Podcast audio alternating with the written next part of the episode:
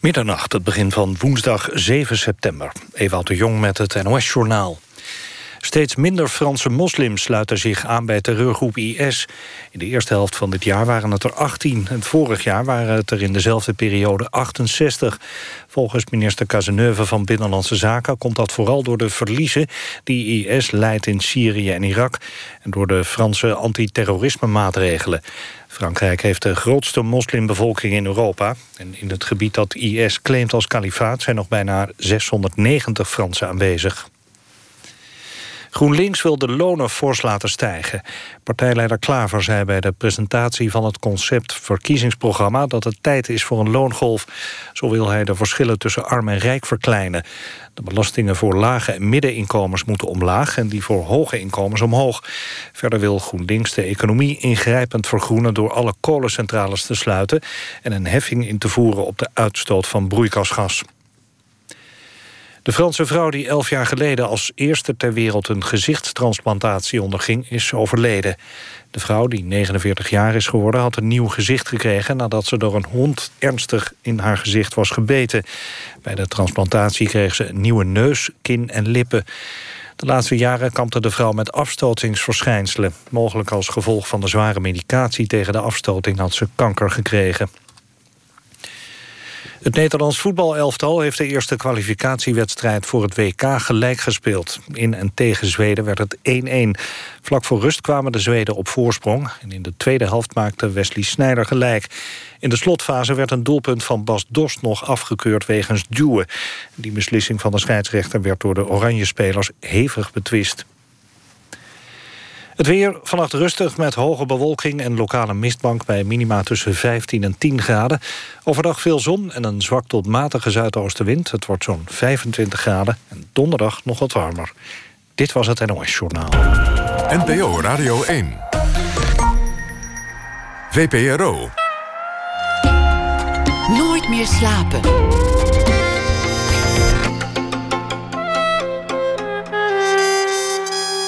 Met Pieter van der Wielen.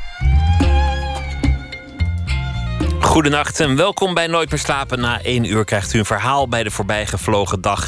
Geschreven en voorgedragen door Katelijn Schilder. Aandacht voor Cobain, de nieuwe speelfilm van Nanook Leopold. Maite Hontelee is de gast, een Nederlandse trompetiste... die furoren maakt vanuit Colombia in de hele wereld. F. Starik sluit de uitzending af met een gedicht. Tegen tweeën zal het zijn, maar we beginnen met Michael de Jong. Een kleine haast terloopse mededeling op zijn website. Eh, nog een paar laatste optredens en hij zal stoppen met toeren. De gezondheid is te broos geworden, de longen zijn te zwak. Er was ook goed nieuws, namelijk een nieuw album van de blueszanger, Requiem for the Lonely. En hij blijft gewoon opnemen en componeren, tot zijn laatste snik vermoedelijk. Het leven en de loopbaan van Michael de Jong, drank, drugs, dakloosheid en zelfkant, maar ook muziek, de blues. Veel spelen met de grootste. Hij toerde met Van Morrison, stond op de planken met legende Jimmy Reed, met Jerry Garcia van The Grateful Dead. Met, uh, ja, noem ze maar op, uh, John Lee Hooker, om er maar een te noemen. Werd geboren in uh, Frankrijk in 1945 als kind van een Franse moeder en een Nederlandse vader. Leefde daar maar kort. Vanaf 1949 woonde hij in de Verenigde Staten, waar hij tot in de jaren 90 zou blijven. Hij verhuisde heel erg vaak, toerde voornamelijk. En sinds de jaren 90 woont hij in Nederland, tegenwoordig in Dordrecht. En Requiem for the Lonely is zijn negentiende album, als ik uh, goed geteld heb. Michael de Jong, welkom. Goedemorgen, Peter. Dat klopt. Dat is uh, 19 official uitgebracht. Je gaat stoppen met toeren. De, de gezondheid is niet meer goed. Dat is een droeve mededeling voor iemand die zijn hele leven eigenlijk niks anders heeft gedaan dan, dan reizen en spelen. Oh, ik heb veel andere dingen gedaan ook. Onderweg? Ja, because er was veel, uh, veel in Amerika. Uh, uh, wij zeggen, if the music wasn't going good, or if ik moet spelen iets dat ik wil niet spelen, like door de discotijd, dat was, dat was heel Ik stop en ik ga werken in de fabriek. Of if ik was in een relatie. En ik wil dat de relatie werkt heel goed. En er was niet genoeg, uh, ja, te koop te eten of voor de huur of zoiets, uh, you know. Dan ik paar gewoon werk erbij. Mijn vader is altijd, ik heb een heel goede Fries vader gehad, hè? heel slimme man. En mijn vader is één ding, veel dingen geleerd, uh, geleerd van mijn vader. Maar één ding hij altijd zegt mij. If je bent niet bang te maken je haans vies, je verdient altijd de boterham. Als je niet ben, bang bent om vieze handen te maken, zou je altijd een boterham kunnen Ja, verdienen. Dus je hebt, je hebt ook baantjes gehad onderweg, maar, maar je leven ging uiteindelijk over, over muziek en, en over optreden. Ja, maar ik ben geen jukebox. Is niet kwartje erin en er komt een liedje uit. Ja, dat is waarom nu, uh, wat ik heb gezegd vroeger, in 2003, ik stop eventjes en ik, ik ga naar Ierland voor, voor een maand. En Galway en dan, uh, ja, Kismet or whatever.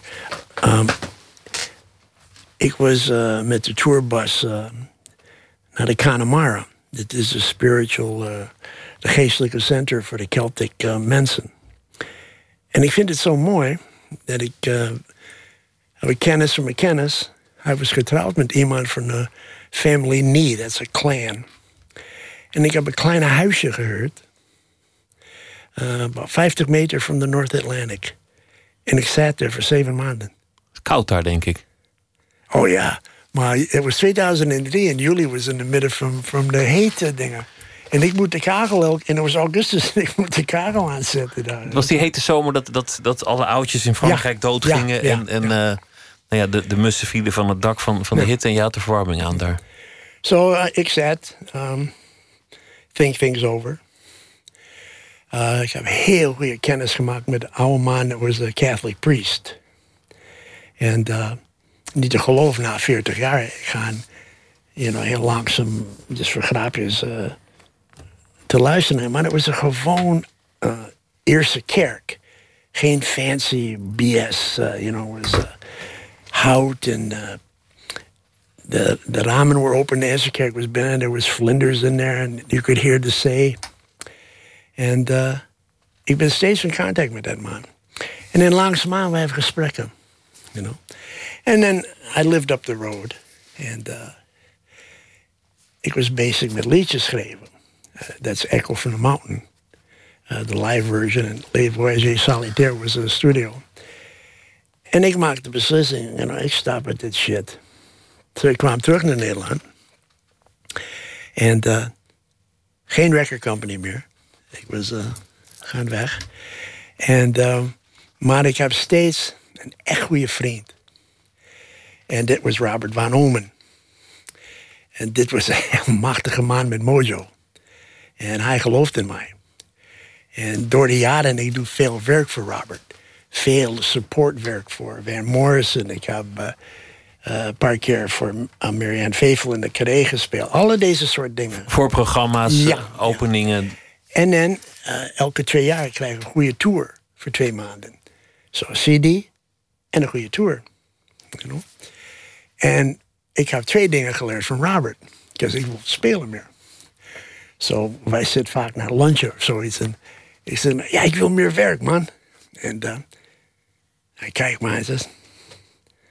Wil je terug naar deze plekjes? Do you want to go back and play in those places, kroegen? I said, no, not really. You know, I, I wanna, ik wil spelen waar mensen zitten. En die luisteren. Een groter publiek, Ja. niet, niet het café. Nou, niet grote publiek. Een respectful sitting publiek. Mensen die komen om te luisteren, niet mensen die komen om te drinken en te praten. En dan wat gebeurt met dat? Door de jaren, de muziek verandert. When, uh, ik, ik heb de Clannad Tour, dat is een heel beroemd uh, Irish... Uh, Planet. ja, ja. ik heb de hele tour in Nederland gedaan. And I never heard of these people. So Robert got me the tour. En hij belt mij een week of zo voor de tour. Ja, because ik heb een paar cd's gekocht. En ik flip. I said, what, are you crazy? I can't play for these people. It was, you know. And uh, said, yeah, yeah, you can handle Just, you know, play rustige liedjes. Okay. En dan hij bel mij, ik denk vier, vijf dagen voor. Hij zei, weet je, speel eens onder een plectrum. Goeie man. En that was 12 jaar geleden, 13 jaar geleden. Ik heb nooit meer met de plectrum gespeeld. Zo deze kleine little stopjes op de weg. Het was niet één, één recht pad, wil je zeggen. Maar, maar je, je hebt nu besloten, na, na al die jaren spelen... Je, je stopt ermee. Wat, wat mankeert eraan? Wat, wat is er mis met je gezondheid? Waarom dacht je, ik- ik, kan dit niet meer, ik wil dit niet meer... ik, ik moet na deze reeks optredens Ja, maar ophouden? it's ook Requiem for the Lonely. That that's a miracle plot. That uh, nee, it was it was uh, the, the long and the short of it, uh, in 92, ik krijg de, de nieuws dat ik was besmet. You know? So, ik denk, Waar- waarmee was je besmet? mijn HIV HIV. en hepatitis C. You know? Allebei in één klap. Ja. Maar ernstig gedacht, en dit, dit was a shock for me, because ik had zo'n lieve vriendin op dat tijd. She was my muse. En uh, maar ernstig gedacht, de, de doctor was there with the papier en ik heb gedacht, oh shit, ik heb haar vermoord. I killed her, you know. In die tijd was dat, was dat een, een doodvonnis. Ja, ja. En in die tijd, je moet eh, testen en je moet wachten drie weken. En dan je moet de tweede keer testen. So wij was twee jaar in een relatie. En uh, uh, she got tested. And she was negative. She didn't have it. En ik denk, uh, ze gaat weg. Ze blijft nooit meer met mij. Ze blijft nog een andere vijf jaar. En uh, een heel ander soort relatie dan. Because an ander soort passie. Zonder dat, uh, you know, because you didn't want to take a risk. That, that this, you know, I lived in San Francisco when that AIDS first started. Jullie, jullie raakten elkaar niet meer aan. Het, het was een andere relatie omdat Ja, jullie ja. oppasten om elkaar te besmetten. Lots of hugging, lots of uh, gentleness, you know?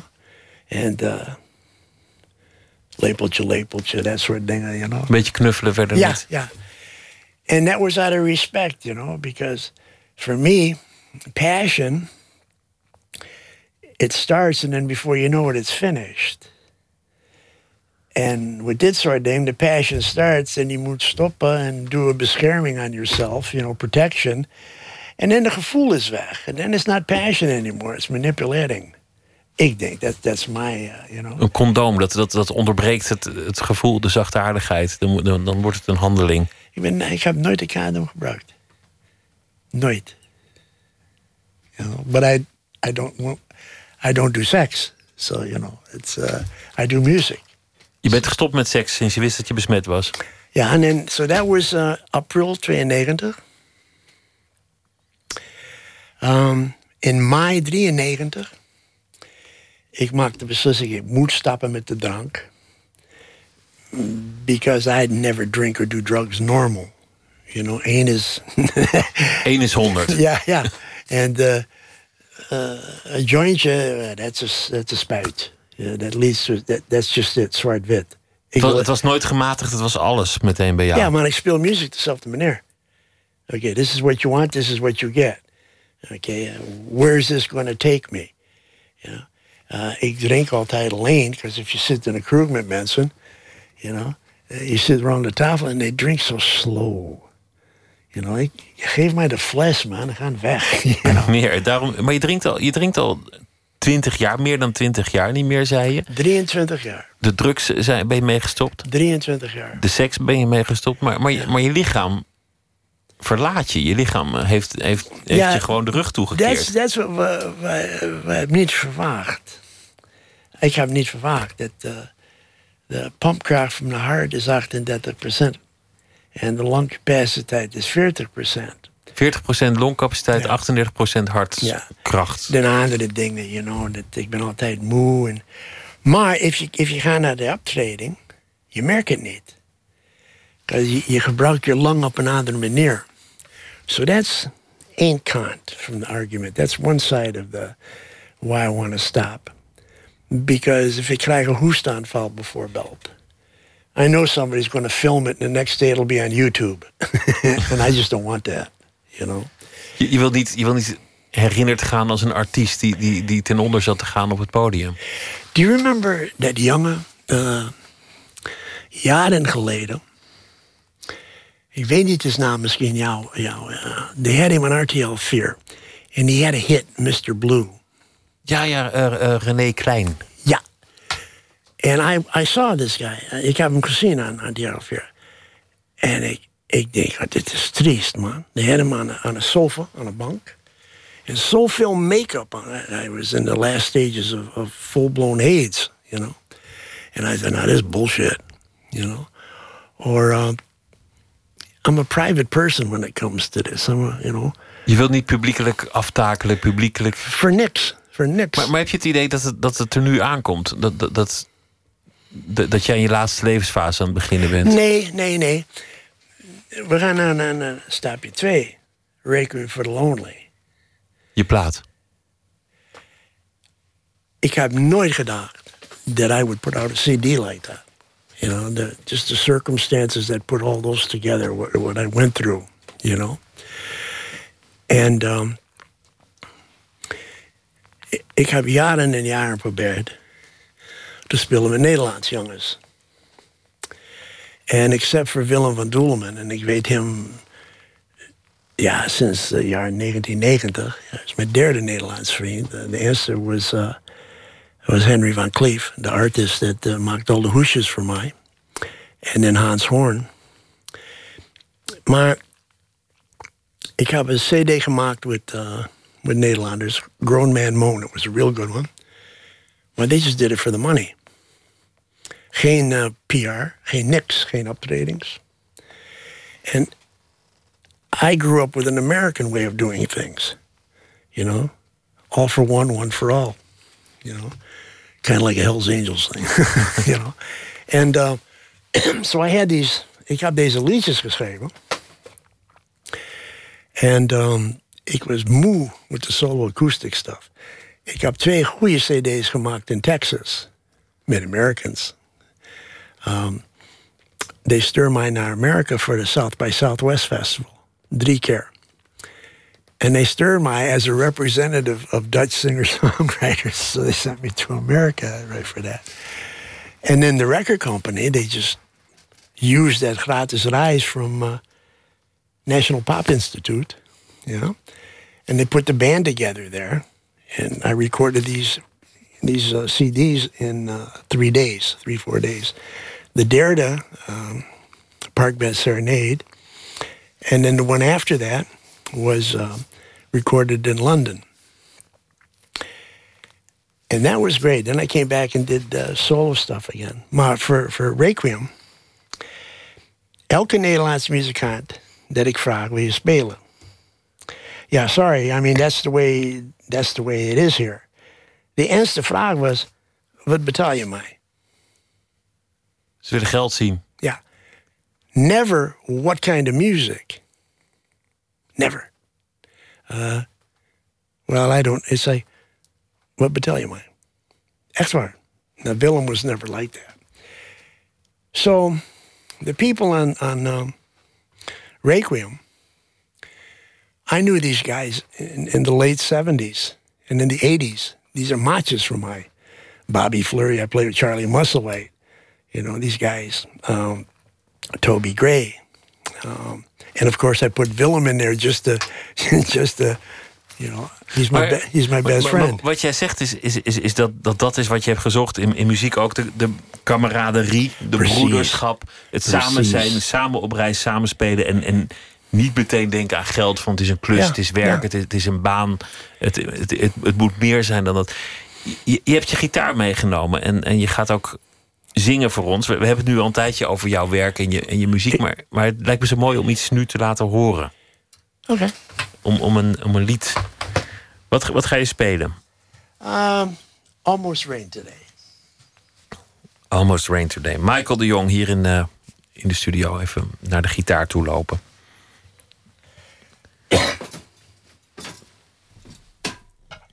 Struikel niet over dat snoer.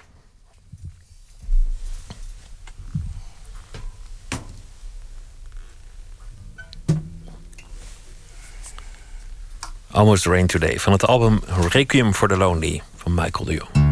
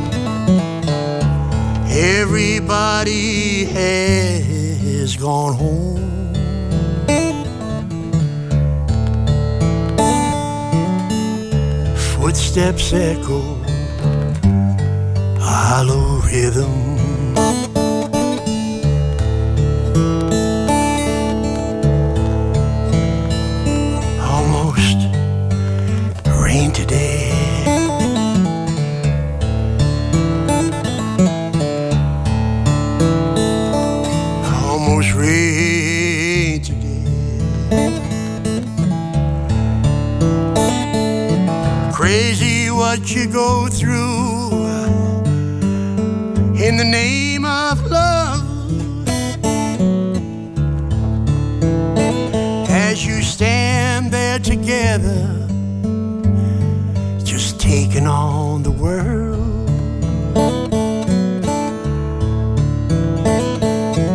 Moon is covered by tomorrow's clouds. Ah, what's left to say? Oh well, almost ready.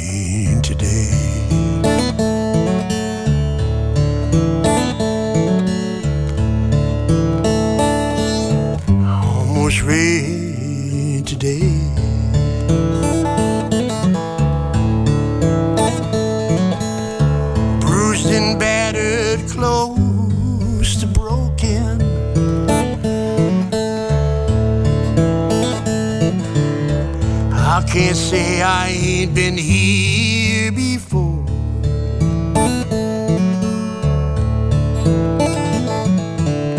The carousel, it stopped turning.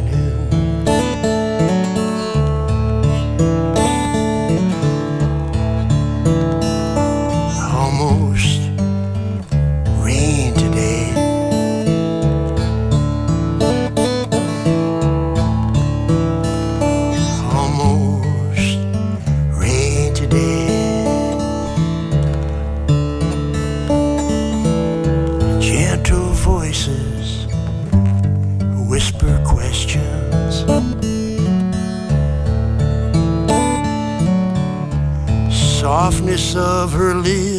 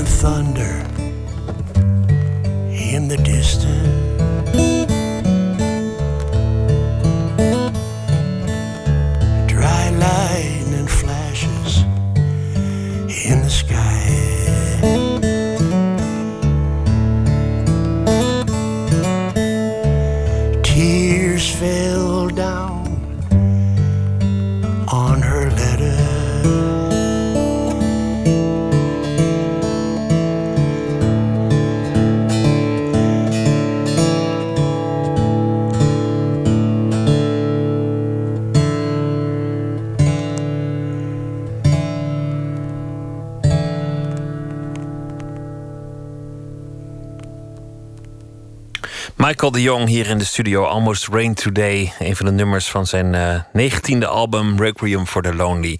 Michael de Jong, geboren in 1945. Een uh, Franse moeder, Frans Baskisch. En een Friese vader, een Nederlander. Hij is uh, opgegroeid in de Verenigde Staten, waar hij het grootste deel van zijn leven heeft doorgebracht. Sinds de jaren 90 is hij in Nederland en hier heeft hij veel albums gemaakt en ook veel gespeeld. Speelde met uh, grootheden, toerde met Van Morrison, stond op de planken met Jerry Garcia van The Grateful Dead, met uh, John Lee Hooker en Jimmy Reed en, en ga zo maar door. Jouw, jouw eigenlijke geschiedenis, je herinneringen beginnen in de Verenigde Staten. Van Frankrijk heb je waarschijnlijk niet veel meegemaakt in je vroege jeugd, toen je drie was of vier. Van Nederland wist je waarschijnlijk niet veel. Ik weet een paar dingen van Nederland. Ik van weet, toen, van toen je kind was? Ja, ik weet nog uh, hoe bang ik was in de... Hoe zeg je dat in het Nederlands? De Peuterschool? De... Peuterschool? Ja, ik weet hoe bang ik was. En het, uh... Want jullie zijn even terug geweest uit Frankrijk... even naar Amerika, even weer terug... een, een, een tijdje heen en weer gereisd. Nee, nee, nee, nee. Ik was geboren in januari 45. De oorlog voor ons was klaar in, in uh, mei. In Frankrijk? Nee, Nederland. Mijn vader is Nederlander. Ja. ja. Zo wij was terug in Nederland in augustus 45. Maar mijn moeder en ik, wij moeten wachten in Eindhoven. En mijn vader gaat naar Alkmaar, dat uh, regelde papierwerk. Mijn vader en moeder was niet getrouwd. Zo ik was een oorlogkind. En je weet op dat tijd hoeveel ja, mensen try to get into, uh, proberen te immigreren in Nederland zonder papier. Zo. Um, twee weken later, wij woonden in Alkmaar. 48, te gaan trouwen in de Stadhuis in Alkmaar. Zo, uh, ik was uh, twee jaar oud. Zo. En dan in 49, wij immigreerden naar Amerika. Je hebt drie paspoorten. Ik weet niet of dat nog steeds zo is, maar lange tijd had je, had je drie nationaliteiten. Ja, dat was leuk, man. Heb je ooit ergens thuis gevoeld? Is er een stad, een plek, een, een, een, een land, een streek waar, die je als thuis beschouwt? Op het podium. Op het podium? Ja. Ik heb een Franse pas, because ik was geboren there. So I have a French passport. But I'm no Frenchman. Uh, ik heb een Nederlandse naam. Ik snap het, lees Nederlands heel goed. Ik heb een Nederlands paspoort. Ik reis in Europa met een Nederlands paspoort. Ik wil geen grapjes maken met paspoort. Maar come on, in principle, ik ben geen Nederlander. Ik heb een American passport. Um, wanneer ik reis terug in heen van Europa naar Amerika, ik gebruik altijd mijn American passport. Then it doesn't matter what I'm besmet with. They have to let me in. je hebt altijd wel een andere kaart die je kunt trekken. Maar ik ben geen echte Amerikaan. So what am I? Well, in this country, I am the blues. That's it. I don't think anybody does it like I do. Heb je dat gevoel altijd gehad, al toen je kind was? Van, ik, ik ben hier wel, maar ik, ik hoor nergens. Ja, ik was altijd een loner. Altijd. Bijna geen friends. Uh, imaginary friends. And uh, then uh, I discovered, and then, yeah, we, I started listening to the radio with my moeder. And um, I could not, ik snap niet how a singer was on, bijvoorbeeld, ik zit hier met, uh, met, de, uh, met de varen, ja? En misschien je draaide de radio te RTL 4 of zo. En er is iemand dat speelt mijn, uh, mijn plaatje of zo. En als een kleine kindje, je denkt, maar dat is snel. Het is hetzelfde gevoel. Een snelle reis als je aan die knop draait. Ja, hoe aan kan, het wiel hoe, van de radio. Hoe kan dat meneer in twee plekjes zijn? Het is hetzelfde wanneer ik was een kind. En I used to run. Toen zijn de twee grootste winkels in, uh, in uh, Grand Rapids. From Herpelsheimer's to Wurzburg's en terug. So to Wurzburg's and there was Santa Claus. You know? There was Santa Claus. Okay. I kijk hem just to the trap. All the way down the trap. Heel snel naar Herpelsheimer's. Op de trap. Potverdikkie, there he is. Hoe kan hij zo... Ja, zo stom was uh, zo, maar, maar, wat was de muziek die je luisterde toen je kind was... en je, en je, en je draaide aan het wiel van de radio? De, de, de, muziek die jou waarschijnlijk toen ertoe bracht... om, om dat leven te gaan leven in de blues. De identiteit die je wel vond, de nationaliteit. Blues. Wat, wat was de muziek die je luisterde als kind? Wat, wat herinner je daarvan? Uh, country. Uh, there was niks, niks zoveel aan de radio. I remember Doggy in the Window and uh, the Gene Autry Hour and uh, Arthur Godfrey. En dan we krijgen wij luisteren meestal na eten. We, didn't, we hebben geen televisie. So we listen to radio programs where you, had, you moet your imagination gebruiken. You know?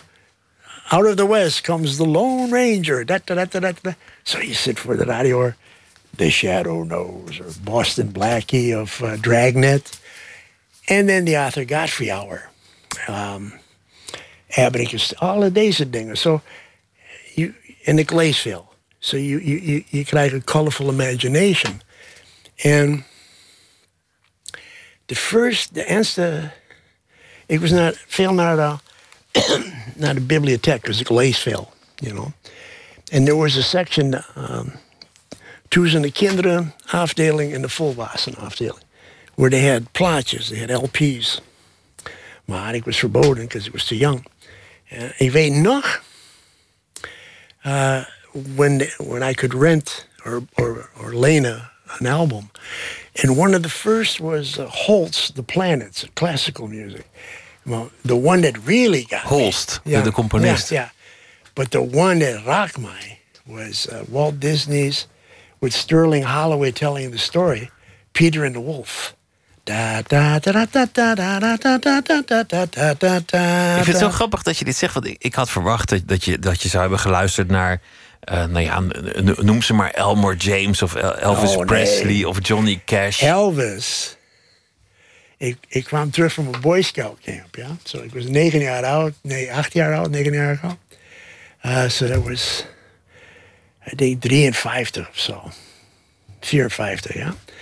En we gaan, uh, you know, we stayed at a neighbor's kid. En hij is al deze 45 plaatjes. Je moet dit luisteren, you know. So he put this on. Train I ride, 16 coaches. What the hell is this? You know? And uh, that's all right, no mama. That's all. And, whoa, I like this, you know. And uh, the answer 45 I bought was Rave On by Buddy Holly. And not Fade Away. Maar then, the turning point. Wij, wij kijken altijd familie televisie, ja. And it was the Ed Sullivan show. So it was 57, 58. My moeder and father was on the bunk and ik was, you know, for the television on the, floor. And now we'd like to introduce a new artist from RCA Victor. Give a warm hand to Elvis Presley. So here he is. This is him, you know. So I'm looking and I go, holy shit. 30 seconds, 60 seconds. Mijn moeder vloer van de bank. Doe de televisie af. Hij is de duivel. Gechoqueerd door, door wat daar gebeurde. En Elvis Presley music was verboden. On the high fidelity, there was kind of stereo. There was a high fidelity player. on the bovenste, aan the woonkamer. For, for the family records, yeah? uh, for when they wanted to do the samba or the tango or you know Toots uh, Toots records or whatever, or the Our Freesia records from Phillips. Anyway, so the 45s with Elvis, moet beneden spelen in de kelder, you know. Tot ik kwam uh, thuis met mijn eerste Rolling Stones album, 12 by 5. And I put that Rolling, ik, set that Rolling Stones album on the tafel in de etenhoek, ja. En mijn moeder loopt in en she looked at that. Waarom blaaf je niet meer aan dat mooie Elvis Presley? Toen was dat de duivel. Ja, ja. Maar dat, dat past, die, die, rebellie had je als kind. Er is een verhaal dat over jou gaat. Dat, het, is, het is vaker verteld. Dat je als achtjarig kind uh, door, door, de, door de onderwijzer op school werd, uh, werd afgefakkeld. En, en dat, je, dat je zo boos was dat je met, met Lucifers terugkwam. Dat, dat, hij had gezegd: de, de duivel schuilt in jou. Jij bent een, bent een heidens kind. Je deugt niet, je zult in de hel komen. Je dacht: oké, hel, branden. Ik neem Lucifers mee en ik brand de school af. Ja, Toen was je acht jaar oud. Hij is gezegd naar mijn vader dat ik was uh, een slecht katholiek. En mijn vader was geen religion, you know, op dat tijd. En mijn moeder was, boom, Basque, Frans religious, you know. And uh, Monsignor, because I, I, was always in trouble in school. And I said to my father, it was door geld. They, they didn't give enough money. Elke zondag. And they had, they had a, a book. Te weinig geld voor het kerkenzakje. Ja. And you could see elke jaar de, de, welke familie je geeft. Because there was a reckoning number on elke envelope. And um, So okay, if, if I'm that bad, the rotten apple in the barrel is what he called me. So ik, ik kwam terug de volgende dag en ik zet school op. ja. Daar begon het. Maar nee, it wasn't too bad. Maar ik was acht jaar oud. En ik was vier dagen opgesloten in de youth-inrichting. En dat was geen picknick. You know, geen uh, glaas in de ramen. Havermout, you could just stick a labeltje. You know. ik, was, ik was acht jaar oud en ik zit in de gevangenis. Maar de tweede keer, ik was veertien jaar oud. De derde keer, vijftien. Twee keer when I was 16. Uh, we stole a beer truck when I was 18, but that kept me out of Vietnam. And, uh, Omdat je in de gevangenis zat, hoefde je niet naar Vietnam. ik was nooit in de gevangenis. Maar you had to be, je moet uh, 21 jaar oud to, to cope alcohol. See, of je moet about to the liquor store and you uh, mensen van, hey mister, will you buy us a six pack of beer? That was the big thing, you know. So um, we got in a car one night and went to the brewery where they parked all the trucks. En we gaan over de hek. En dan, uh, er was geen sloot aan de achterkant van de vrachtwagens. Just a funny metal seal, a metal plate, ja? Een soort grendeltje. Ja. And, it, and it's broken. Maar there's city law, you know, and there's state law, stat law, and then there's federal law. You know, like uh, Dordrecht-belasting, Ha- Zuid-Holland-Zuid-belasting en Nederlands-belasting. Kleine politie, middle politie, and the bad boys. When I broke that seal, it became a federal crime. So they caught us. and, You know, I got three year probation again. And then Vietnam came. So I thought, shit, you know, I was going to go. So I got my papers. And um, first, I wasn't going to go. I wasn't an American citizen. I was, you know, I was still French. I had to fill in that paper elke January. So he krijgt a, papier that, uh, okay, you don't want to go in the army, we're going to kick you out of the country. they were going to deport me. So, you know. So I got the papers and I went to the draft board, to, to the service. And they looked at my record and they says, oh, you're a criminal. We don't want you in the army. so I didn't have to go. Het leger wilde je niet en zo ontkwam je aan, aan Vietnam. Ik wilde nog iets anders met je bespreken. Je, je sprak eerder, want, want je, je hebt iets verteld over je, je leven, reizen, problemen, drugs, eh, eh, drank, maar uiteindelijk ook de muziek en de kameraderie. kameraderie Ja?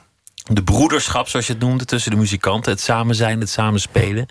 Je hebt, je hebt met, met heel veel muzikanten, onnoemelijk veel muzikanten, gereisd en gespeeld. Je hebt ook wel de keerzijde van het leven van, van daarbij gezien. Want heel veel van je oude vrienden zijn er gewoon niet meer. Die zijn dood. Ik bedoel, Ja. jij, jij zit hier om me te vertellen wat je hebt gezopen, wat je hebt gespoten, wat je hebt gesnoven. Nou ja, noem, noem maar op.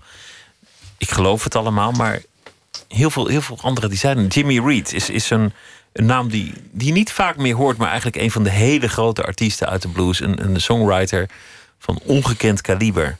Ja, maar ik heb zoveel van dat, van dat man geleerd. Maar meer geleerd, I learned so much from him. Maar ik heb meer geleerd van zijn vrouw, Mary Reed. I learned more. Um, we did the last show at the Savoy Tivoli. Uh, Douglas Kennedy on drums. Uh, Gino Skaggs, hij is ook dood. Hij, hij speelt veel met Er- Earl Hooker en, veel. And myself. And Jimmy Jr. was there. For the tien jaar, Mary Reed was on the podium. It was sold out.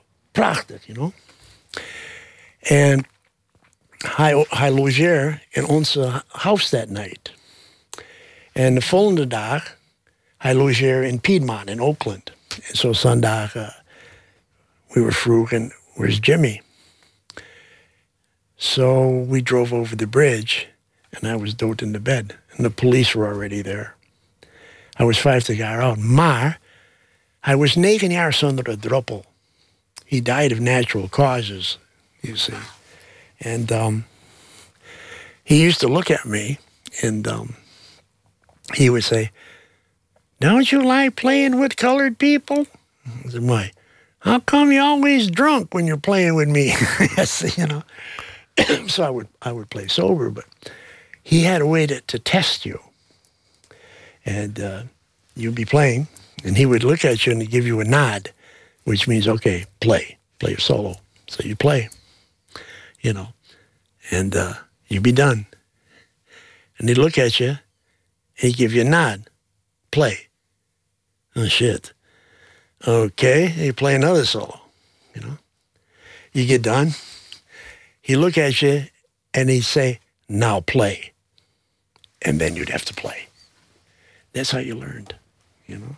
Jimmy Reed, je, je, bent de eerste geweest na de politie die bij zijn huis kwam toen, Ja. die, toen die overleden was in 1976, denk ik. Myself and Steve Gordon. Steve Gordon was the manager of the Savoy Tivoli. And we drove over the Oakland Bay Bridge in my little Volkswagen. so there he was, you know. And um, oh, we tried uh, to keep it going. Doug Kennedy and Gino and I, we uh, uh, we went to West Los Angeles where Jimmy Jr. lived, and I prepared to, to get a tribute band. But yeah, that uh, there was so much blow and booze, and you know it was, and the Watts riots were going on, so it wasn't really a nice place for a white guy. Geen, geen mooie periode. Wil, wil je nog een lied spelen? yeah, I don't want this. Welke, welk lied wordt het? Um, this is something. Ik heb de hele dag overgedaan vandaag. And I'll introduce it. It's from the Park Bench Serenade CD. Ga je gang. Moet je, moet je de gitaar nog herstemmen of, of is dit eh. This is uh, called Somewhere Along the Way. Somewhere Along the Way? Maar ik weet.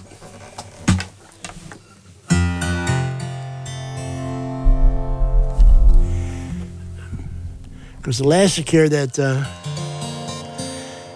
it was in Hilversum, we didn't have streaming.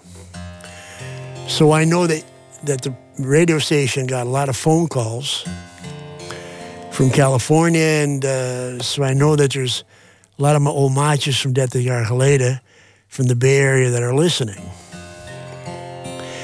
And some in New Orleans. And so I thought today, if you don't mind, Peter, I'd like to do a song for my old friends back home.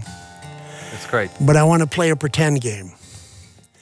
I want to pretend that it's 1978 and we're walking down Broadway.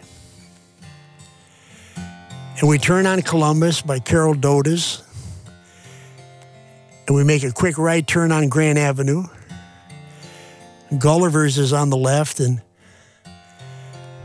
the Charlatans guitar player Mike Wilhelm is playing there with a band called Loose Gravel. We walk past a saloon that doesn't have music yet because Tommy Brownie didn't want it. We walk up the street to a place called the Coffee Gallery. Now it's Tuesday. It's Tuesday here. So it's probably John Basharian and friends or Lisa Kindred and friends. And it's an open mic. So I get a chance to play a song.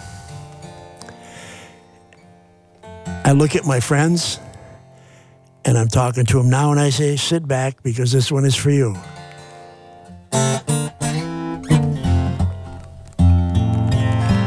Sure is crowded in this room.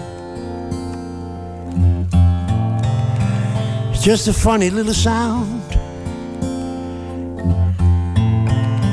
It's the wheels inside my head going round and round and round. One too many yesterdays. All those ghosts from the past. I ain't got enough tomorrows left. All going by so fast. Wrong turns and all those second chances. Mistakes that I made. Empty words, but with the best of intentions, turned into sad regrets.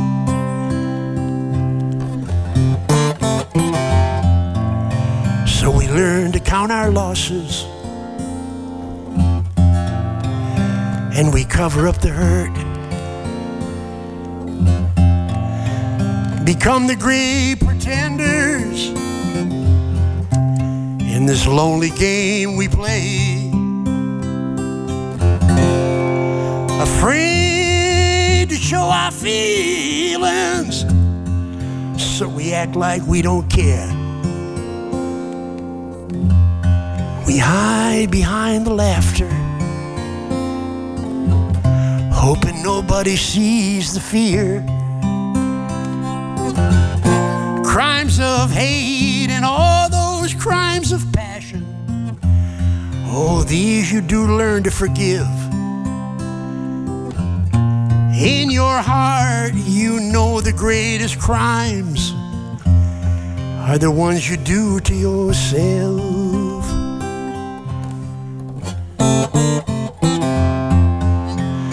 Everybody out there, you are just like me. And guess what? I'm exactly like you. And we're all trying hard just to get by with a faith in something we can't see. We've all worn our crown of thorns. Those times we lost our way. Come face to face with ourselves. Found the courage to forgive. God, He gives and He can take away. So who are we to judge the plan?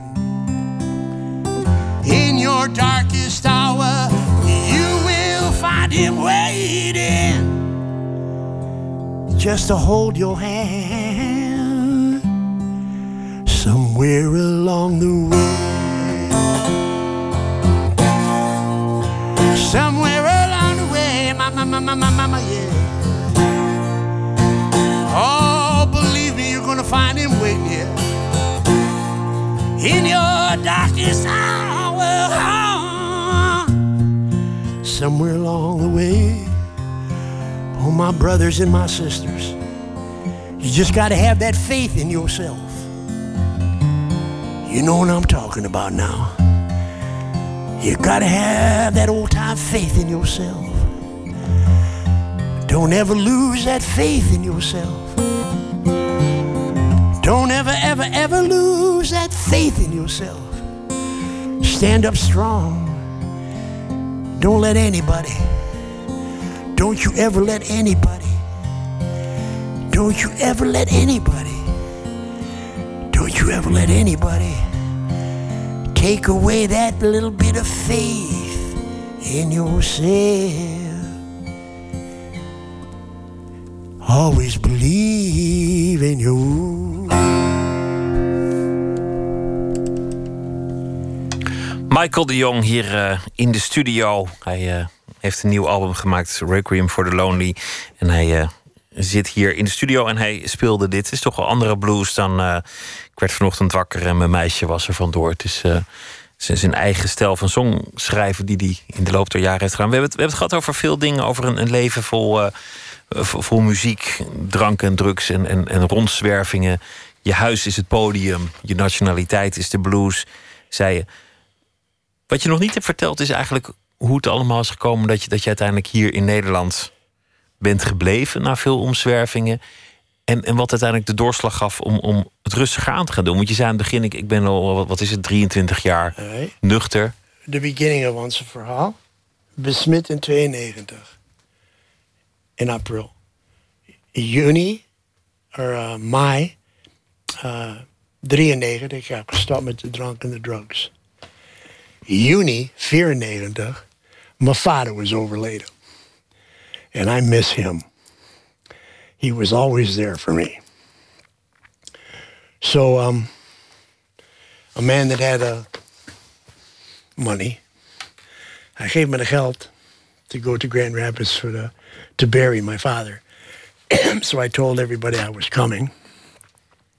And they had all the, uh, sorry, I moet dit in zeggen and you can translate it. They had all the services. So when I finally got there, De, de begrafenis was al achter de rug. nee, nee, de De begraven, dienst. they wacht voor mij. De dienst was al geweest. Ja, hij was still in de kist, ja. Zo, ik loop in de, in de, in de, funeral, in de begravenplaats, de funeral home. En there was this oude man. Ze hebben hem voor jou boven de grond gehouden, is dat Ja, wat gezegd? voor één extra dag. Ze hebben, ze hebben gewacht met hem begraven, zodat Ja, jij nog ja, op tijd kon zijn. En ik, eh, ik heb eh, de hele ding uitgelegd naar KLM. Ja, and for the genoeg geld, they flew me there, you know.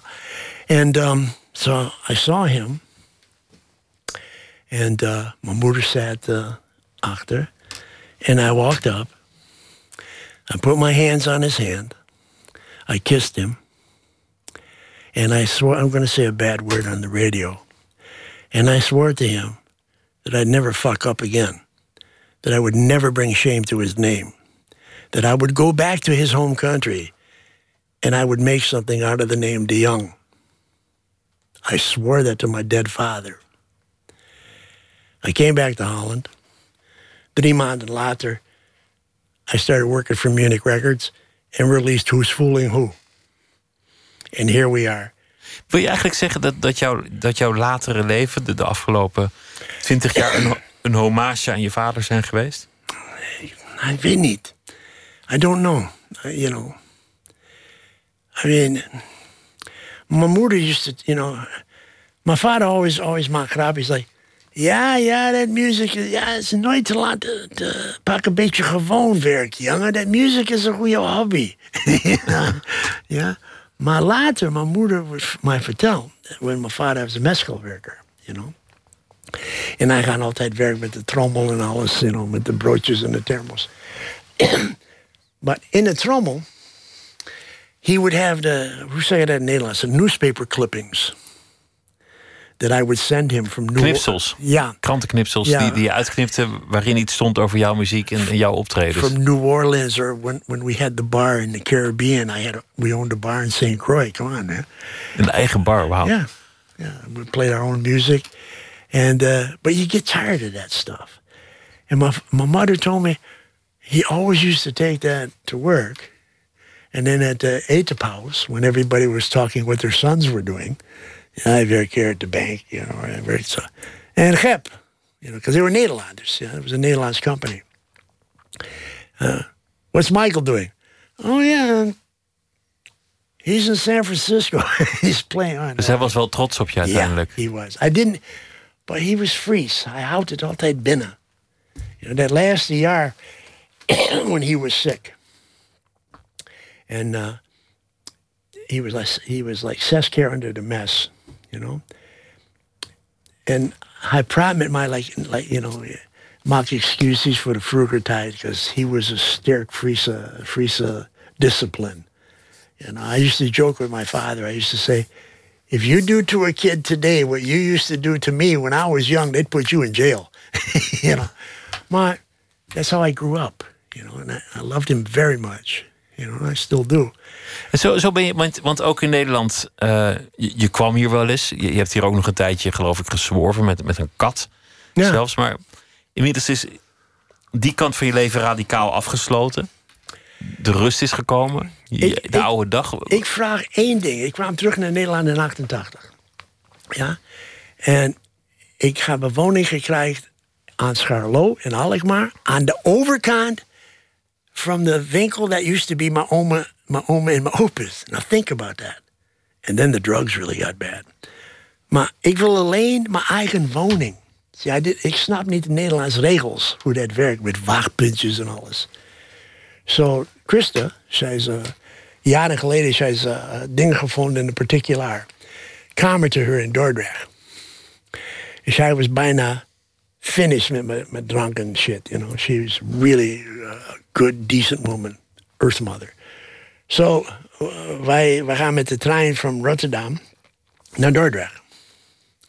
En uh, we gaan naar de, naar de winkel en de kamer was boven. En de meneer Wim en, uh, en de Joke, uh, die vragen me, wat wil je? Uh, heb je geld? Ik zei, nee. Wat wil je met de woning? En ik wil afkicken.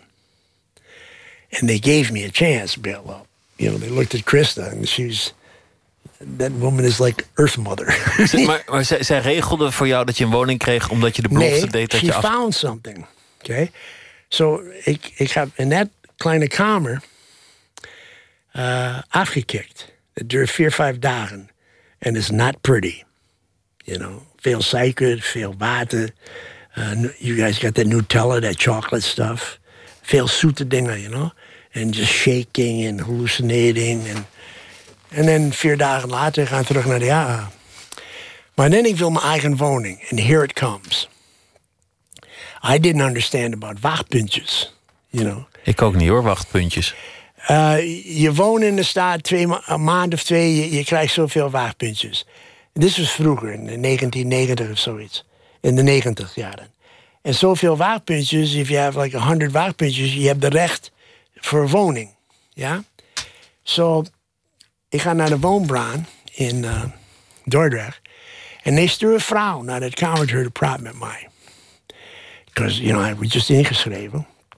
And she said, well, you know, what's your... I said, listen, uh, ik ben in mijn eerste jaar afkicked. You know, I'm an alcoholic, I'm a junkie, but I'm clean.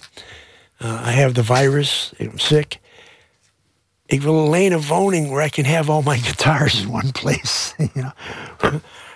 where I have a cool and you know, where I don't have to share a wc with somebody. You know, all that normal dingen. And the Woonbrand gave me a chance. You see? And uh, that was maybe vier maanden nadat ik was terug from the begrafenis from my father, Okay? So, Munich Records, eigen woning. Ik woonde er in november 22 jaar. En in dat woning, ik heb bijna 23 cd's geschreven. En 19 uitgebracht. I wrote 23 cd's in that, in that, in those 22 years I lived there. And this is number 19. So the government gave me a chance, and I gave them back the music. 19 cd's als dank voor een kans die je kreeg in de vorm van it's een bijna, je ziet, een echt Nederlander, die snapt niet hoe, hoe gelukkig jullie hebben hier. You know? If, if, uh, if you really want to know what life is about, you know, go live in a country that doesn't have a sicker funds and get sick. I did. You know, that doesn't have her subsidy. All that, you know, we accepteer that, you see.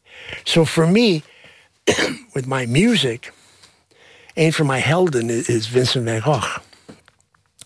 En voor mij, de regering, de Nederlandse regering, that's like my Theo. You know, that's like my Theo van Gogh. Je, mecenas, je redder, degene die je heeft gebracht. Het album heet Requiem for the Lonely. De laatste optredens komen eraan. Je bent op, op tournee. De data die staan op je website, michaeldeyoung.com. Ja. Michael, dank je wel dat je te gast wilde zijn. Dank dat je voor me hebt gezongen en, en uh, voor het publiek natuurlijk ook. En dat je hebt gespeeld. En veel succes met alle muziek die je Ik nog gaat maken. En met je woning in Dordrecht. Ik ben heel dankbaar dat je mij gevraagd. So, I'm very grateful that you asked me to come here. So. Dank dat je hier wilde zijn. We gaan zo meteen verder met uh, Nooit meer slapen met heel veel andere dingen. Twitter, uh, Twitter het VPRO NMS. We zitten op Facebook. U kunt zich abonneren op de podcast via iTunes of de website van de VPRO. VPRO.nl slash Nooit meer slapen.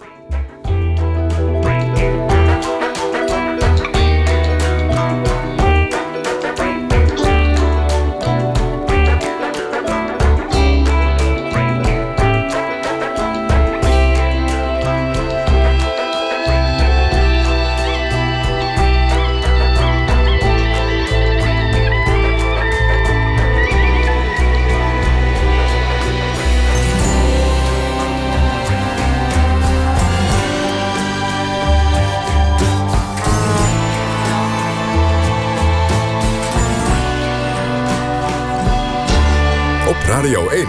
Het nieuws van alle kanten.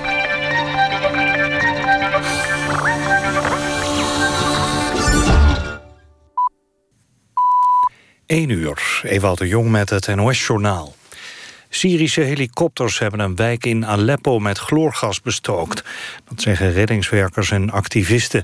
In de wijk, waar veel aanhangers van de oppositie wonen... zouden zo'n 80 mensen gewond zijn geraakt. Het chloor zou in bomvaten hebben gezeten. Een Syrische mensenrechtenorganisatie heeft een video op internet gezet... waarin kinderen te zien zijn die zuurstof toegediend krijgen. De regering van president Assad heeft nog niet gereageerd op de beschuldiging. In eerdere gevallen zei de regering stevast dat het leger geen chemische wapens inzet. Steeds minder Franse moslims sluiten zich aan bij terreurgroep IS. In de eerste helft van dit jaar waren het er 18. Vorig jaar waren het er in dezelfde periode 68. Volgens minister Cazeneuve van Binnenlandse Zaken... komt dat vooral door de verliezen die IS leidt... en door de Franse antiterrorisme maatregelen. In het gebied dat de IS claimt als kalifaat zitten nog bijna 700 Franse moslims. Frankrijk heeft de grootste moslimbevolking in Europa. GroenLinks wil de lonen fors laten stijgen. Partijleider Klaver zei bij de presentatie van het concept verkiezingsprogramma... dat het tijd is voor een loongolf om de verschillen tussen arm en rijk te verkleinen. De belastingen voor lage en middeninkomens moeten omlaag... en die voor hoge inkomens omhoog. Verder wil GroenLinks onder meer alle kolencentrales sluiten... en een heffing invoeren op de uitstoot van broeikasgas. De voetballers van Oranje hebben in de eerste kwalificatiewedstrijd voor het WK gelijk gespeeld. In en tegen Zweden werd het 1-1. Vlak voor rust kwamen de Zweden op voorsprong. In de tweede helft scoorde Wesley Sneijder de gelijkmaker. Nederland had de meeste kansen, maar wist daarna niet te scoren. Een doelpunt van Bas Dost in de slotfase werd afgekeurd. Het weer vannacht rustig met hoge bewolking en lokale mistbank... bij minima tussen 15 en 10 graden. Overdag veel zon en een zwak tot matige zuidoostenwind. Het wordt zo'n 25 graden. Donderdag nog wat warmer. Dit was het NOS Journaal. NPO Radio 1.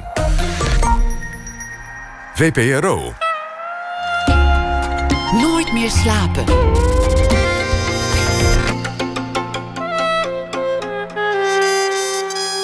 Met Pieter van der Wielen. Straks aandacht voor de film Cobain, waar de opnames eh, momenteel voor plaatsvinden. De nieuwe film van regisseur Nanook Leopold, die eerder onder meer Boven is het stil maakte.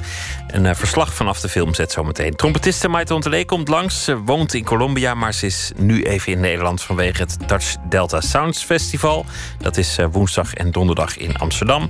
En Katelijn Schilder is schrijver en deze week zal ze elke nacht een verhaal voor ons maken over de voorbije dag.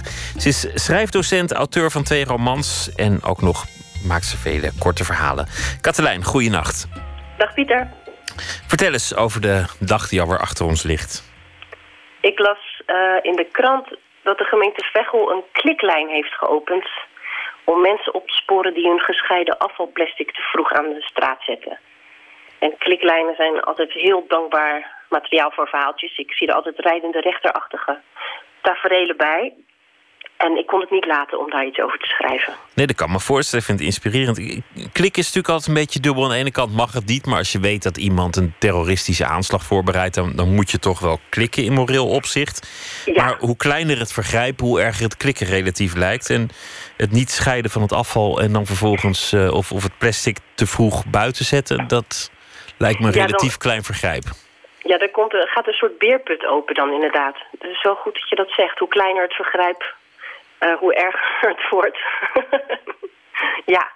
Nou, en, en daarnaast, uh, ja, daarnaast beginnen ook morgen de Paralympische Spelen. En aangezien het dus nu eigenlijk al morgen is, uh, dacht ik, doe ik die er ook bij. Mooi, ik ben heel benieuwd. Ja, oké. Okay. Er hangt nog niets, maar dat kan niet lang meer duren. Elk moment verwacht Aad Akkers dat zij, dat krenk van tegenover... met haar zak vol plastic de weg oversteekt om het aan de paal te hangen. Zijn telefoon ligt naast hem in de oplader. Zijn hand is er vlakbij. Aad snoeide vandaag, meteen na het lezen van het Brabants Dagblad... zijn ligusterhaag aan de Udense weg. Hij snoeide elke keer zo'n vijf centimeter eraf, liep naar binnen... ging in zijn leunstoel in de woonkamer zitten en controleerde of het al genoeg was. Dit herhaalde zich vier keer. En nu, om half zeven s'avonds, na het avondeten voor de koffie... kan hij, gezeten vanuit zijn leunstoel... precies de lantaarnpaal op de hoek van de straat in de gaten houden. Op tv is de openingsceremonie van de Paralympische Spelen. Nu zijn vrouw met de hond naar een appartement in Waalwijk is verhuisd... kijkt hij alleen. Maar hij doet nog alsof ze naast hem zit... en voorziet alles van commentaar. Hoe heet ze ook weer, zegt hij. Die razendsnelle.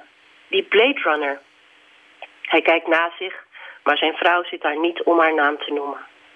Dus Aad staat maar naar de sprinter Marlou van Rijn... die net als de honderden andere sporters in het stadion naar het publiek en de mensen thuis zwaaien. En hij mompelt, hoe heet ze ook weer? Het spijt hem ook dat ze een lange trainingsbroek aan heeft en hij, dat hij de spectaculaire blades niet te zien krijgt. Ondertussen hinkstap sprongt over buurvrouw Marijke Egberts met haar zak gescheiden plastic naar de lantaarnpaal, bindt hem vast aan het daarvoor bestemde oranje haakje en haast zich terug naar binnen. Aad Akkers mist, zoals gewoonlijk, de grote gebeurtenissen van de avond. Tot zover. Mooi. Te veel let op je buren en daardoor uh, andere dingen missen. Hoe, zit het eigenlijk met zo'n kliklijn? Is dat dan een aparte lijn voor één vergrijp? Of kun je ook met andere vergrijpen bellen? Of is het alleen maar een, een kliklijn voor plastic op de verkeerde dag aan de verkeerde paal ja, hangen? Ik heb, ik heb het nummer niet overgeschreven, maar er stond echt een specifiek nummer bij. Dus ik weet niet of je dat ook voor andere dingen kunt gebruiken, maar het, er was één nummer. Het is een fascinerende ontwikkeling, hè? Dat je voor elk vergrijp een apart nummer moet hebben. Alsof je niet één nummer kan bellen, gewoon voor alle vergrijpen in één keer. Ja, of dat je zo'n keuzemenu krijgt voordat je, als je belt. Klik één voor afval, plastic. Klik twee voor uh, de boom. Ja, of gewoon iemand die opneemt en zegt waar bel je voor. En dat je dan zegt waar je voor belt. Dat ja, is helemaal makkelijk. En, ja, en wat ik ook wonderlijk. contact is spannend natuurlijk.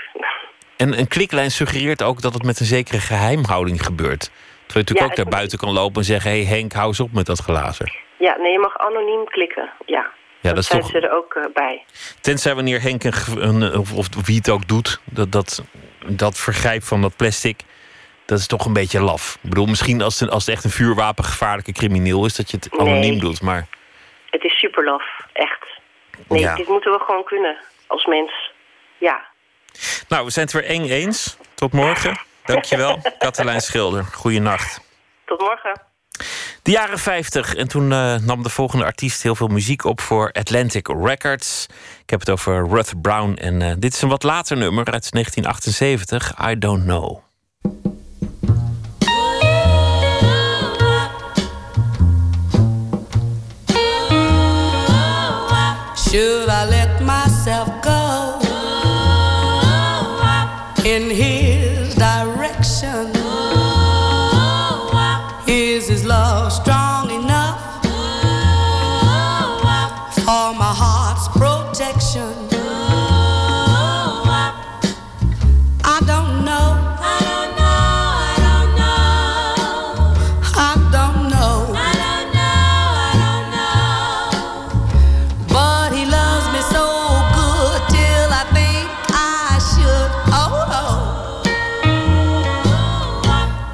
I gave him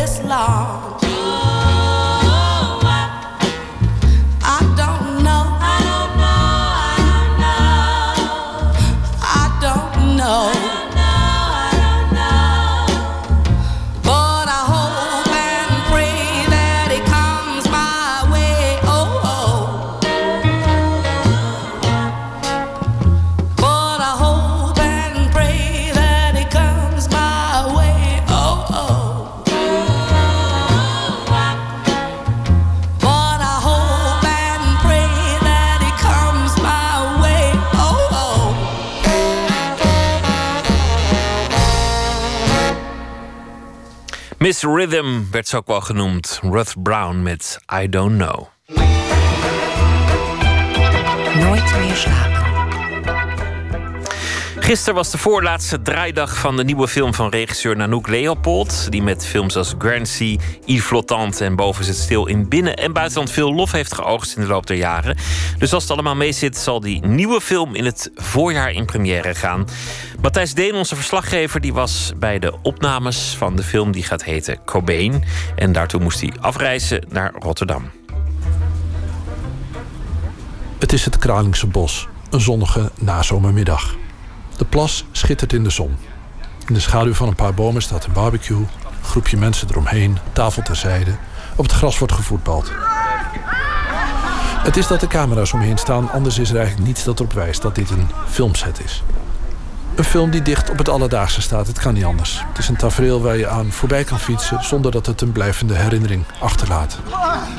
Maar toch, een blik op de monitor, die buiten het zicht van de camera staat, laat het shot zien. Het zonlicht op het water, de schaduw waarin de handeling zich afspeelt, de kadrering van de bomen en de door de scherpte diepte vage oever aan de overkant van de plas. En de mensen in dat decor. Je kan dan dat alledaagse tafereel moeilijk nog op dezelfde manier zien. Zo vergaat het mij althans. Het is Nanook Leopold die hier aan het werk is. Ze is bezig met de ene laatste draaidag van Corbijn, haar nieuwe film. Voor het eerst een film trouwens waarvan ze het script niet zelf geschreven heeft. De schrijver loopt rond over de set. Ze is ook de producente van de film. Stinette Bosklopper. Degene die traditioneel op de achtergrond de touwtjes in handen heeft. Degene die alles regelt, die fondsen werft. Het draaien van een film mogelijk maakt. De vertrouweling van de regisseur. Dat is je rol, zeg maar, die je hebt en, en die je ook, Zij heeft de stoute schoenen aangetrokken en een script geschreven. Dat gekke is dat als je zo lang met iemand samenwerkt en dat het ook een soort coming out is eh, om dan jouw kwetsbare ding aan iemand te laten lezen. Ik heb dat nu zo gevoeld. Je denkt dat iedereen het slecht vindt. Je bent heel overgevoelig. Dus ehm, Dat moment, dat moet toch... ja, dat is Dat- dat echt heel apart. Ik had het alleen maar aan haar laten lezen. maar, maar dat eh, is al toch al een hele stap. Ja, dat was een hele stap. Kan je dat toen- herinneren? Ja, dat kan ik me nog heel goed herinneren. Want we, eh, ik had het aan haar gegeven. En ik had tegen haar gezegd, moet je luisteren. Ik ben nu bijna klaar ermee. Eh, ik wil nog een soort laatste check van jou. of, of er nog fout in zit. Of dat je het wat vindt. Of is het stom. Of is het goed. Of is het dit of dat. En toen had ik het aan haar gegeven. En toen hoorde ik gewoon ongeveer 14 dagen helemaal niks. En eh, nou ja, dat is dus weer dat, dat eh, patiëntgevoel. Dat, dat ik echt dacht, oh ja, ze durft me natuurlijk niet op te bellen. Want, en dat is natuurlijk ook het ingewikkelde. Dat, dat ik, voor mij, het was echt een soort coming-out moment. Ik zag mijzelf altijd als een soort extern geweten van die maker. Een soort buddy waar je gewoon eh, ja, eigenlijk de kwaliteit bewaakt van, van zo'n maker. De consistentie. Is het interessant? Is het vernieuwend? Herhaalt zo iemand zich niet? Wat ik altijd heel erg probeer dan met die makers te creëren, is een soort gelijkwaardigheid. Van ik ben niet alleen maar die vrouw met dat geld, ik ben niet alleen maar degene die naar het filmfonds belt, ik ben jouw artistieke partner. Maar op het moment dat je zelf niet iets artistieks maakt, dan krijg je toch nooit een echte gelijkwaardigheid. En, dat, en zo voelt dat voor mij nu wel meer. Dat vindt Maar- misschien zo'n regisseur ook wel prettig. Dat je niet dat je van dat terrein wegblijft. Ja, dat, nou ja, dat is het gevaar. Niet iedere maker vindt dat prettig. Er zijn ook makers die ik ken die nog nooit gevraagd hebben... mag ik dat script eens lezen? Het, is ook bedreigend, denk ik, voor een maker. Zo van, god, ik, dat was toch mijn, eh, ja, mijn hulpje... en nu moet die vrouw zo nodig zelf ook wat. Maar ik, ik, ik ben benieuwd naar, naar of Nanoek zich dat goed herinnert. Dat moment dat je bij haar aanklopte zei... Oh ja, "Durf- ja, nee, maar goed, toen had ze dus niks van zich laten horen. En toen hadden wij een bijeenkomst met eh, twee andere makers. Zouden we gaan eten bij eh Fu Ping. Die heeft zo'n eh zo'n noedel, eh, rest- of zo'n Japans eh, restaurant in de Jordaan. En toen stonden wij buiten samen op straat. En toen zei ze, ja, ik heb het gelezen hoor en ik vind het heel goed. Ja, ze heeft zo heel snel, ze zag zo die angstige ogen van mij waarschijnlijk zo En dat, weet is- Nanoek ook nog goed, dat moment? Eh, Moeten we dus zo maar even vragen. Maar we moeten nog even geduld hebben. Geduld is nodig bij het opnemen van een film. Er wordt veel gewacht. Op dit moment staat Nanoek te regisseren. De camera's draaien. Corbin, een van de twee personen waar de film om draait...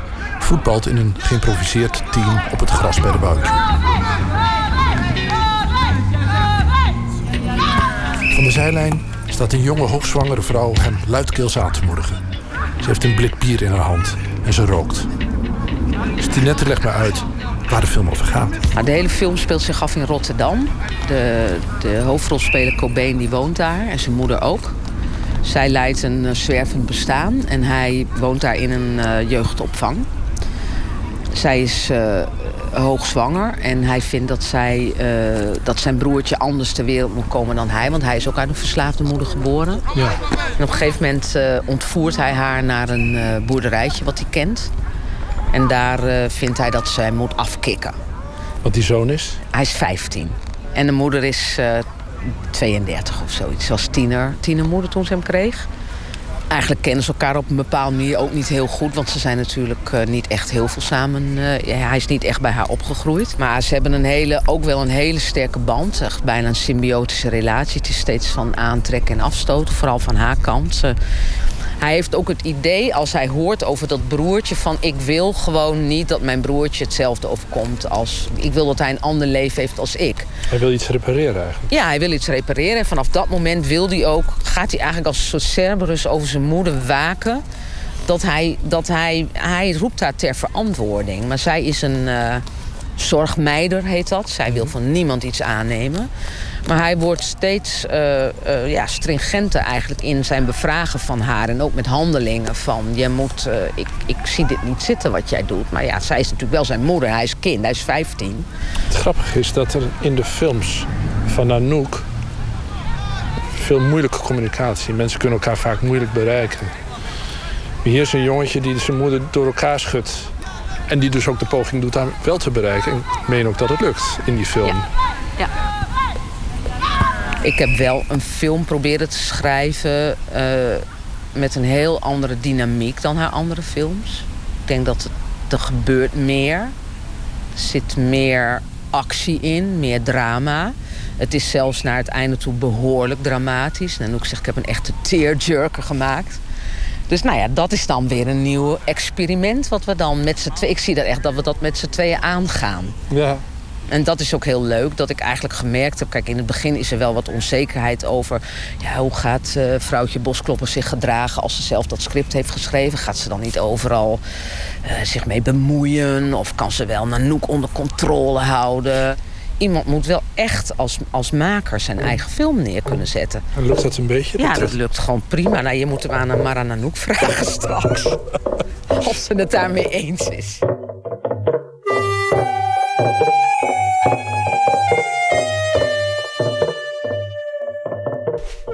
De vragen aan Anouk stapelen zich op. Gaat die samenwerking wel? Kan ze zich herinneren dat haar producenten de rol had omgedraaid? Dat ze een script geschreven bleek te hebben... met bonkend hart grote ogen verwachtingsvol haar aankeek... of ze het misschien wel goed genoeg vond of niet. Als de opnames eindelijk zijn afgelopen... maakt Anouk in ieder geval niet de indruk van iemand... die daaronder gebukt gaat. Kan je dat herinneren? Ja, maar ik mocht, het, ik mocht het eindelijk lezen. Het was helemaal niet bedoeld dat ik het zou maken. Oh, je wist, je wist dat ze bezig was? Ja, ze was al een hele tijd aan het schrijven, maar ik mocht nooit lezen. Want ze zei, ja, het is bijna af, bijna af. dus toen mocht ik het eindelijk lezen. Het was gewoon kant en klaar en ik dacht, dat wil ik maken. Ja. Dus dat was eigenlijk heel duidelijk. Dat mag zeggen, maar is, normaal ben ik heel zenuwachtig van wel, hoe gaat het werken. En eh, dan wil ik alles al gaan monteren. Nu zit zij de hele tijd, ja, maar we moeten even dit zo omdraaien. Want de editor is al bezig. Dan zeg ik, ja, rustig nou maar. Want we moeten nog eerst even afmaken en dan gaan we monteren. En ze vindt alles prachtig.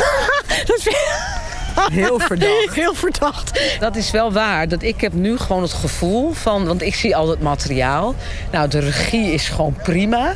Dus als het nu nog misgaat, komt het alleen maar door dat flutverhaal van mij. Dat denk ik nu weer. Hè? Dat heeft eigenlijk niks meer met Nanook te maken... wat er nu nog fout kan gaan. Nee, maar hoe zegt ook nooit dat mijn regie prima is. Dat is echt helemaal nieuw. Ja, ja, het, ja, het is heel goed geregisseerd. Denk, nou, weet ik veel hoe lang werken we al? Ja, 13 jaar, 14 jaar. Krijg ik opeens complimenten. Nou, nee, maar dat is natuurlijk wel die fundamentele onzekerheid... als jij dus iets hebt bedacht. Ja, dat is echt anders.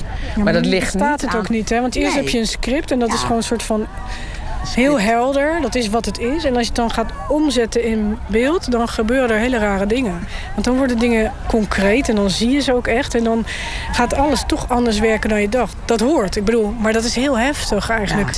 Want dat vind ik gewoon het mooiste. Dat je eigenlijk alle dingen gebruikt die er zijn. Zoals de mensen, de natuur, de elementen. Je hebt, je hebt spullen, je hebt een, een tafel die stuk moet of weet ik veel. Dingen in het verhaal.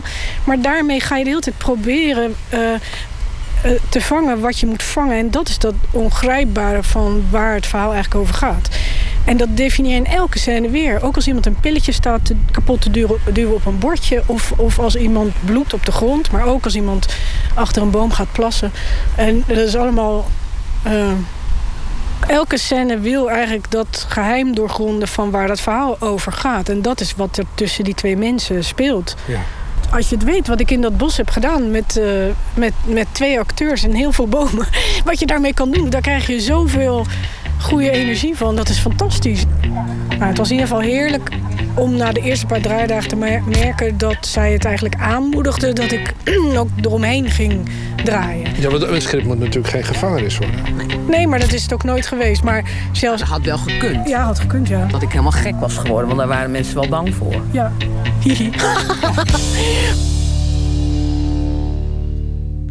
Producenten Stinete Bosklopper en regisseur Nanook Leopold op de set van de film Corbijn, die eh, volgend voorjaar in de bioscoop te zien zal zijn. Cobain heet de film naar eh, Kurt Cobain.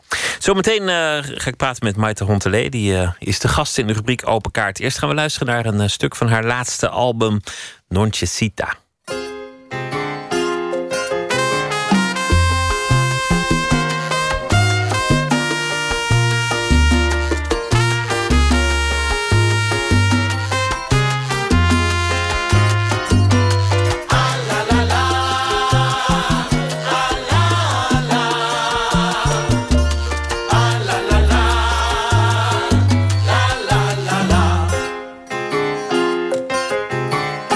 Noche, hay nochecita.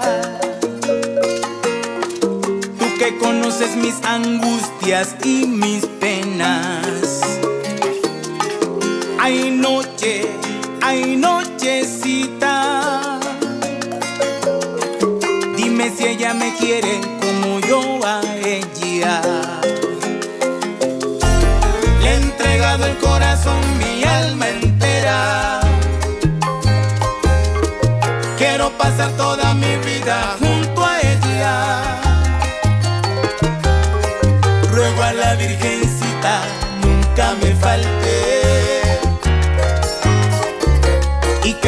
Mi locura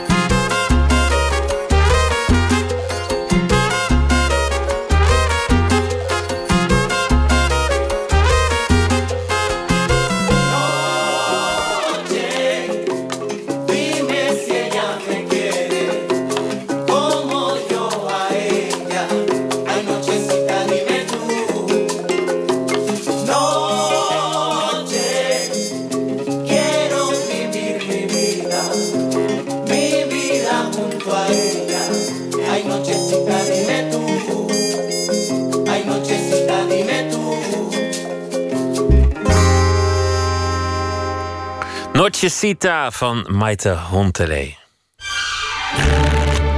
Open kaart.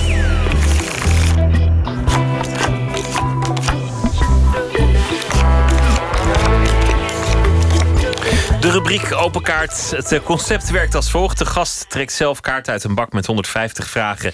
Die gaan over werk en leven. Trompetiste en bandleider Maite Hontelee is hier eh, te gast. Woont sinds 2009 alweer in Colombia, in uh, Latijns-Amerika. En haar muziek maakt ook daar uh, school. Ze is ook daar een lokale beroemdheid. Ze is momenteel in Nederland vanwege het Dutch Delta Sounds Festival.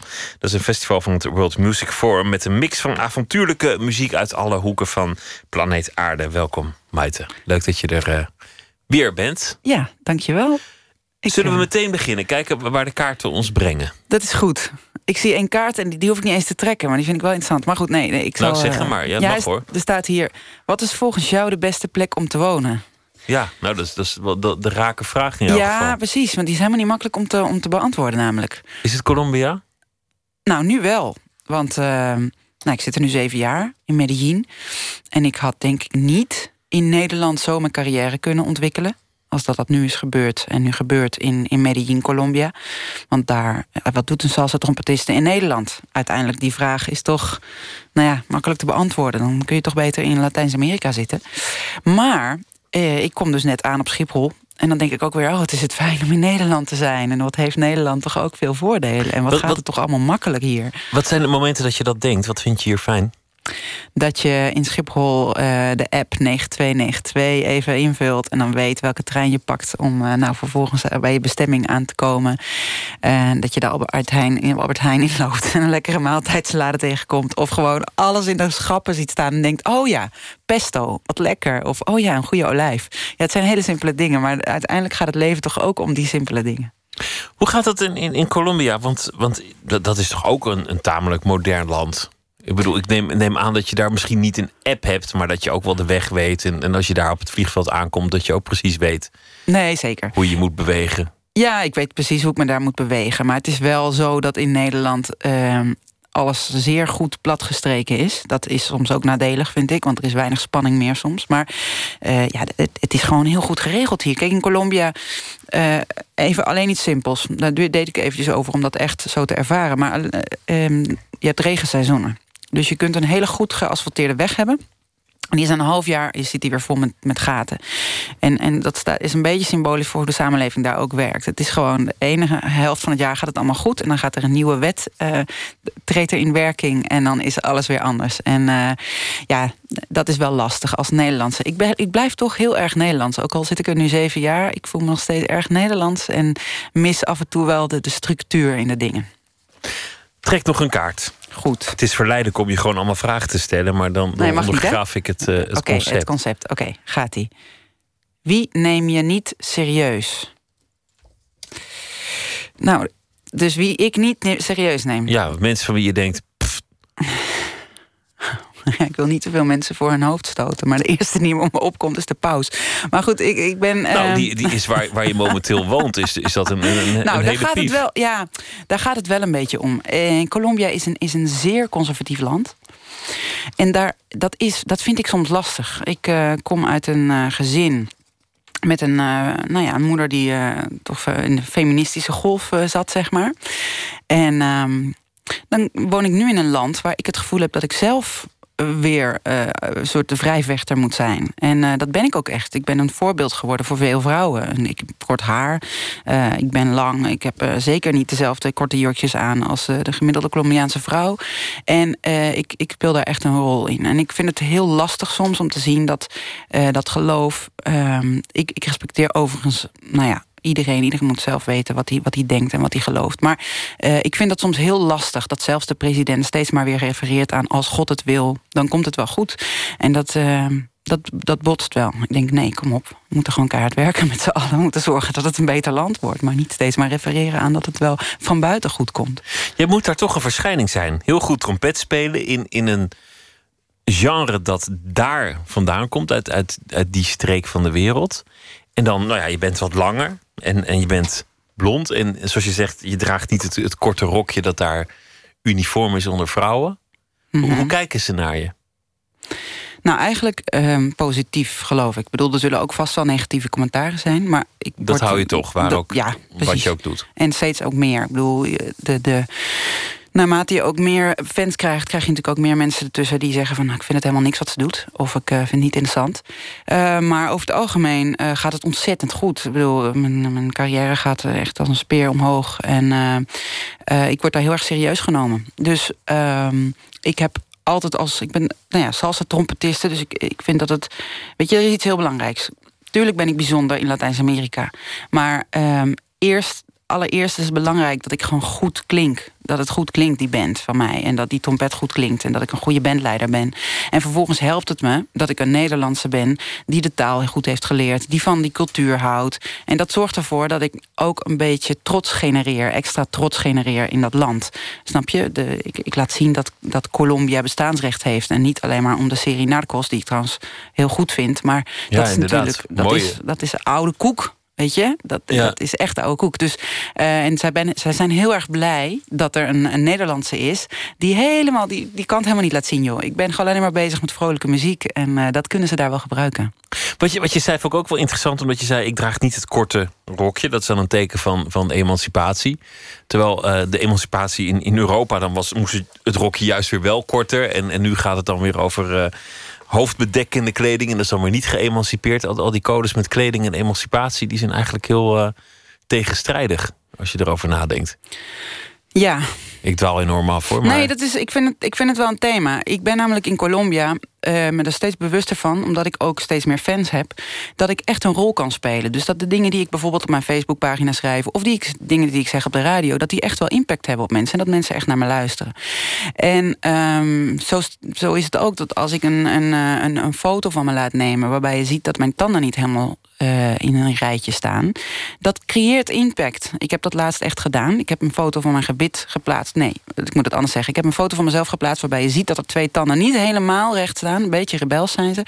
En ik heb gezegd, maar met een, met een goede glimlach, zeg maar. Ik heb gezegd van jongens, dit is mijn glimlach... en dit zijn mijn tanden en ik ben er heel erg blij mee. En ik, maar niet met het wijzende vingertje, maar wel van... hé hey jongens, eh, wake up. En ik vind het heel mooi wat Alicia Keys laatst heeft gedaan. Hè? Die heeft, is Zonder eh, make-up. Precies.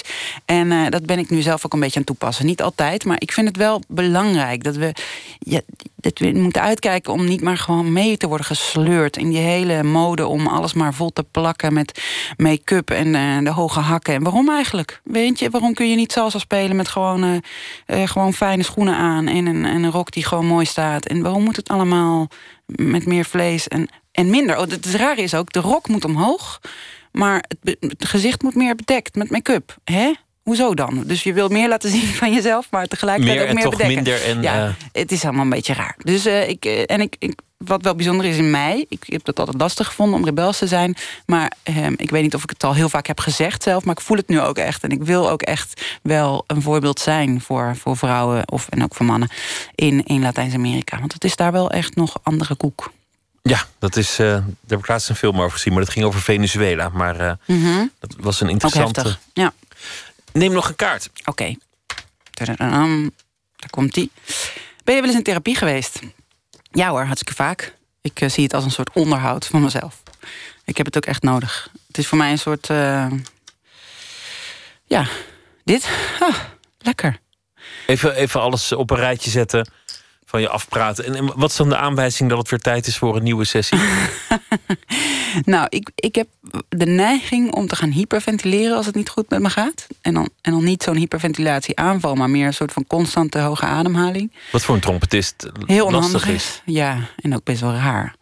Maar, ehm, en dat betekent gewoon dat ik, de, dat ik die, die kurk er te hard op zit of zo. Dat ik gewoon weer even moet eh, ontluchten en moet kijken wat er aan de hand is. En misschien weer wat terug moet naar de basis. Ik heb een heel heftig leven. Ehm, ik heb afgelopen jaar enorm veel getoerd. Echt meer dan ooit. En eh, dat is geweldig. Maar het zorgt er ook voor dat ik het thuisgevoel soms een beetje kwijtraak. Niet alleen in mezelf, maar ook... Oké, waar pak ik nu mijn koffer uit? En eh, ik ben nu thuis, maar zal ik mijn koffer überhaupt wel uitpakken? Want ik ga volgende week toch weer weg. Dus eh, dat, is een, dat is raar. Dat is echt het eerste, de eerste keer dat het zo heftig is. Ik vind het heel leuk, maar het zorgt ook voor een soort hoge ademhaling en een help. Wat, eh, oh ja, wil ik dit nog wel, weet je? Ja. Wat doe je dan om je overal toch thuis te voelen? Om, om toch ergens een plek te hebben waar je, waar je thuis komt of, of fijn ontwaakt? Schrijf je de naam van de, de plaats waar je bent op een briefje op je nachtkastje? Nou, zo erg is het nog niet. Uh, maar ik heb laatst wel voor het eerst de hotelkamer opgeschreven waar ik zat. Zodat ik de volgende keer als ik weer naar hoofdstad uh, in Mexico ga, uh, Mexico DF, Mexico stad, dat ik dan weer weet dat ik in kamer 320 het heel fijn vond. En dat ik dan gewoon weer als een, ja, toch een soort van thuis kom. Een vaste kamer? Ja, ja dat had ik laatst van iemand gehoord. En dacht, eigenlijk is wel een goede truc, weet je. Dat je in ieder geval een aantal plekken hebt waar je gewoon weer terugkomt. Een hotel wat je fijn vond, een kamer die je prettig vond. Dat, dat zijn manieren. Ja. Ik, hoorde, ik hoorde een verhaal van een, ik geloof een zakenman die, die op elke hotelkamer waar die zat een tent opzette. zodat hij, dat hij in ieder geval in zijn eigen tentje zat en dan een koepeltentje en al die dure hotels uitpakte. Oh ja, geweldig. Ja, vind ik wel leuk. Maar ik geloof niet dat ik dat ga doen. Dat is wel onpraktisch. Ja. Trek nog een kaartje. Nog een kaartje? Oké. Okay. is goed. Oké. Okay. Hoe ver reiken je ambities? Ja, dat is een goede vraag. Ik. Um ik, ik heb heel erg die dualiteit in mezelf. Ik ben enorm ambitieus. Volgens mij ben ik daarom ook nu waar ik sta. Ik heb, nou ja, voor een Nederlandse vrouw denk ik iets gedaan wat nog nooit eerder was gebeurd. Namelijk bijvoorbeeld een Latin Grammy-nominatie. Was nog niet eerder voorgekomen. Een Nederlands iemand. Volgens mij zelfs niet in Europa. En dat kwam volgens mij alleen door dat motortje wat ik in me heb. Dat maar meer wil en dingen wil doen en dromen wil waarmaken. En tegelijkertijd denk ik ook van, oh, nou, die trompet, ik zou hem zo aan de kant kunnen leggen. En ik zou ook zo een hond kunnen en een boerderijtje en organische, biologische, heet dat hier, biologische groenten kunnen verbouwen. Dus uh, ik heb dat, die dualiteit heel erg in me. Dat, even teruggrijpend ook naar die therapie bijvoorbeeld. Volgens mij is dat ik ook steeds waar ik naar op zoek ben. Van hoe kun je in die chaos toch in, in die moestuin zitten af en toe voor jezelf. Weet je, dan is het niet letterlijk, maar dat je, dat je toch gewoon dat die aarde zeg maar blijft, uh, blijft voelen. Het zijn twee behoeftes die tegenstrijdig zijn, maar wel allebei bevredigd moeten worden. Ja, dat, dat is echt wel iets. Dat is echt wel een ding. Ik ben er ook nog niet uit hoe dat moet. Dan heb ik tijden dat ik yoga doe. En dan is die mat toch opeens weer bestoft, de yogamat. Um, ik ben nu 36. Ik, ja, ik, denk, ik denk dat ik nog ook wel even tijd heb en mag hebben om het echt uit te zoeken hoe dat dan moet. Elk jaar is ook zo anders. Weet je, vorig jaar had ik minder werk dan dit jaar. Dus dan heb je weer meer tijd om elke woensdag naar een yogaclubje te gaan, zoals vorig jaar. Dit jaar niet. Weet je, dus dan moet je weer een andere dynamiek zoeken. Van hoe kan ik dan weer die rust vinden? Trek nog een kaart. Oké. Het gaat snel, hè? De tijd. Ja. Wie ga je uit de weg? Uh, even nadenken. Nou, ik denk, denk dat ik op zich gewoon wel um, mensen uit de weg ga waarvan ik voel dat er zeg maar een conflict zit of een probleem. Ik hou niet van conflict, ik hou niet van ruzie. Um, en ik, ik ontwijk het dan liever. Ben ik wel mee bezig, want ik ben er ook achter gekomen dat het toch handiger is om af en toe uh, dan gewoon maar uit te vechten of het gewoon maar hardop te zeggen en uh, dat je er dan ook van af bent. Ja, je kunt niet elk conflict ontwijken. Nee, nee, precies. Maar dat vind ik niet makkelijk. Dus daar ben ik ook nog mee aan het werk. Heb ik ook nog even voor, toch? Maar, maar hoe zit het met, met Colombia? Want wij hebben hier in, in Nederland, dat hoor je vast heel vaak het beeld van, van dat het daar gevaarlijk is. En dat je daar bendes hebt en dat je daar niet zomaar overal kunt gaan. Ontloop je daar plekken, mensen, situaties? Ja, ik, ik hou me er wel echt aan de regels. Dus je hebt een aantal buurten waar je gewoon echt beter niet kunt komen. Al is dat dus heel erg verbeterd. Um, Medellin is een hele aangename stad. Het is een uh, stad waar heel veel toeristen tegenwoordig komen. Ik kan het ook echt alleen maar aanraden om, om naar Colombia te gaan. Het is, een, het is een heel prachtig land. De steden vind ik niet de bijzonderste steden, maar dan is Medellin zeer aangenaam. En um, ja, maar je, je hebt natuurlijk wel meer regels. Maar bijvoorbeeld, ik heb lang in Rotterdam gewoond. Ik heb ook in Den Haag gewoond. En ik voel me in de afgelopen zeven jaar veiliger in Colombia dan dat ik me af en toe in Nederland voelde. En ik weet niet precies waar dat mee te maken heeft, maar bijvoorbeeld een fenomeen hangjongeren, dat kennen ze daar niet. Um, en, ja, op een manier is de sfeer op straat gewoon een hele goede sfeer, vind ik wel. En als er dan ook nog eens salsa klinkt uit de boksen van de schoenenverkoper, nou dan, dan ben ik natuurlijk al helemaal een blij mens. Ik heb je vorig jaar zien optreden in, in Rotterdam. Het was ook al mooi. Het was ook een soort, soort thuiskomst. En tegelijk ook helemaal niet, omdat niet authentieke Rotterdamse muziek is. Maar het publiek danste en de, de zaal dampte en de, en de ramen besloegen. Dat Ja, was toch wel, wel gaaf ook om weer terug te zijn, denk ik. Ja, het is bijzonder. Ik heb eh, zes jaar op het conservatorium van Rotterdam gestudeerd. En eh, natuurlijk ook zes jaar, of eigenlijk meer, maar meer jaar ervoor gestreden om op het hoogste niveau salsa te spelen in Nederland met mijn trompetje.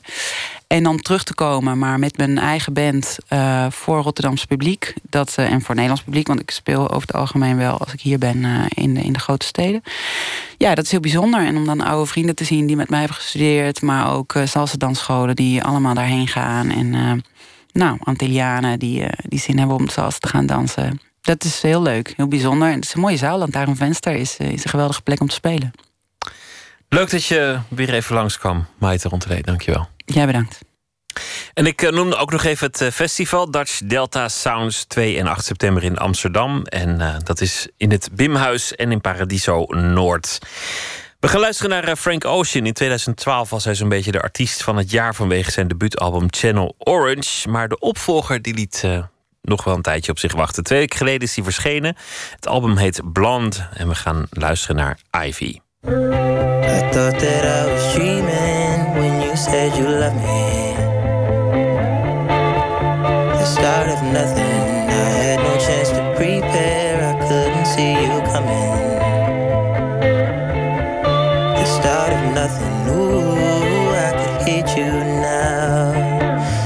It's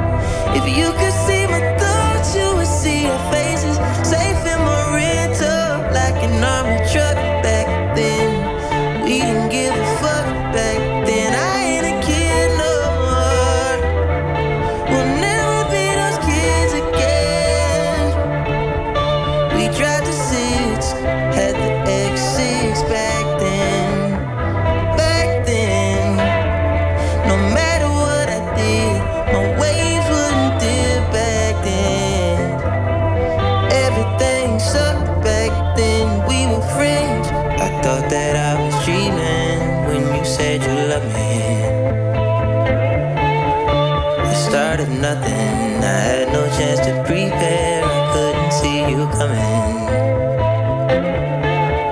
The start of nothing, ooh, I could hate you now. It's quite alright to hate me now.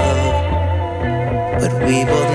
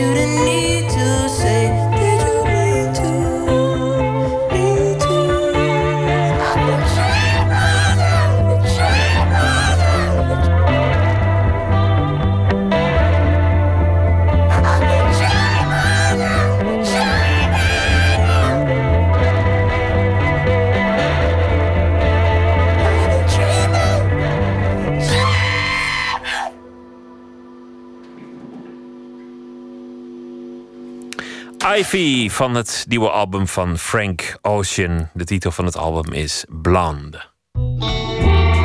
Nooit meer slapen.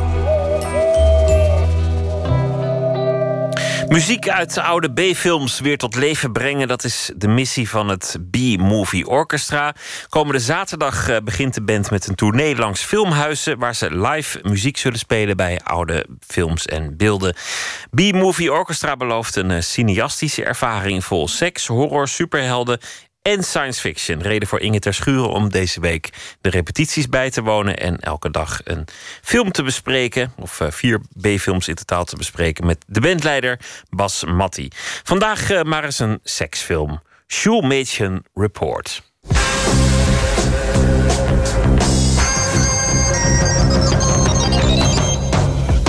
Und so konnten sie im Schulmädchenreport alles erfahren über die Masturbation, über Petting, also spielerische sexuelle Körperkontakte, über Defloration oder Entjungferung, über den Vollzug des Beischlafs und über die gleichgeschlechtliche Liebe. Er zijn iets van, eh, weet ik wat, tien delen van gemaakt.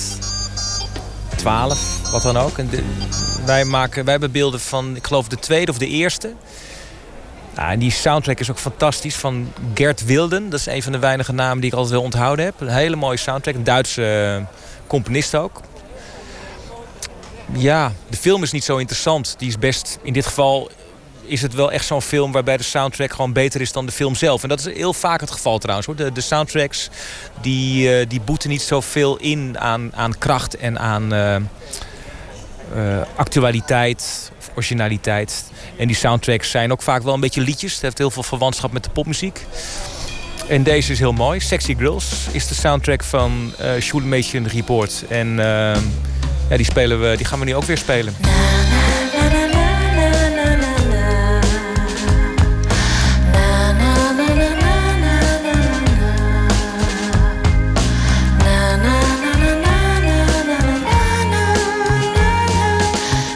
En eh, toch nog even over die film. Is deze film dan echt zo'n typisch eh, onschuldige eh, seksfilm... van toen het nog geen echte porno was... maar een beetje soft, net ontdekken wat er allemaal kan?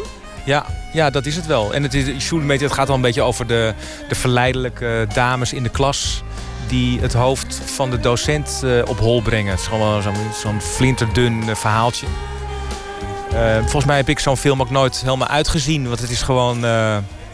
die zijn best wel saai. Maar we hebben toevallig dan het nummer wat wij doen en de beelden erbij, dat zijn, nou, echt, dat zijn echt voltreffers qua beeld. Een soort droomsequens van, eh, van een meisje die dan hevige verlangens heeft naar de, naar, de, naar de pastoor. En de pastoor weet niet wat hem overkomt. En één meisje, dat worden er dan twee en uiteindelijk drie en vier en vijf. En allemaal in, in slow-mo en nou ja. Dat, eh, dat moeten de mensen maar komen kijken. We spelen hem in ieder geval weer. Och, Herr Doktor, müssen es mir machen. Sie müssen es mir ein paar Mal machen. Ach, davon habe ich jede Physikstunde geträumt. Ich hab's gern erst ein bisschen mit dem Mund. En was het, weet jij of die film toen eh, baanbrekend was? Ja, volgens mij, ik hoorde dat een keer van een eh, Duitse dame die ik had eh, ontmoet. En zij had ook, eh, ja, zij wist dat, dat we dat nummer deden. En eh, ik kan me wel een keer herinneren dat ze zo tussen neus en lippen door zoiets zei van... nou, dat heeft nog wel wat stof doen opwaaien toen der tijd. Maar goed, ik, ben, ik was er zelf niet bij. Dus dat is het enige wat ik ervan weet. Eh, en wat leuk is dat je net zei eh, dat die films van toen eigenlijk eh, een beetje gedateerd zijn. Of dat je je best moet doen ehm, om ze nu nog interessant te vinden. Omdat het zich zo heeft ontwikkeld. Maar dat die muziek nog steeds staat als een huis. Terwijl er op muzikaal gebied toch ook allerlei ontwikkelingen zijn geweest. Eh, maar die zijn wat jou betreft dan misschien niet per se positief. Jawel hoor, ja, maar gewoon anders. Het, is, het, houdt gewoon op een gegeven moment op. Dus de, de- ik weet niet, de manier van componeren of hoe de mensen toen geschoold waren, toch wel een soort klassieke traditie geschoold. Ennio Morricone of Bruno Nicolai, is allemaal die Italiaanse school. En iemand als Gert Wilden, die ik net noemde, die is volgens mij ook heel erg goed, eh, die wist allemaal heel goed wat ze deden. En als ze dan iets gingen opnemen, dan gebeurde dat vaak in een hele goede studio, want er waren geen alternatieven. Het was niet zo dat je dat even op je huiskamer deed. En eh, nou ja, dat, dat was de- en dat hoor je. En dat houdt op een gegeven moment in de jaren 80 komen die synthesizers komen erbij. Je krijgt een hele andere manier van. Ja, toch een andere manier van componeren. Popmuziek wordt ook steeds belangrijker. Je merkt ook steeds vaker in, eh, in films dat er altijd een popdeuntje in zit, bijvoorbeeld. Maar dat, dan hebben we het wel meer over de Hollywoodfilms hoor. Maar toch, dat is wel, je ziet in al die, ja, in al die genres je verschuiving. Het echte ambachtelijke, dat is, dat is waar voor jou de charme in zit van die muziek. Ja, precies. En ik heb ook, nou ja goed, dus dat is, maar dat is meer smaakding. Ik heb ook, elektronica vind ik ook fantastisch hoor. Goed is goed en slecht is slecht. Wat dat betreft maakt het niet uit. Maar als het gaat over die filmmuziek, dan heeft dat zeker uh, mijn voorkeur.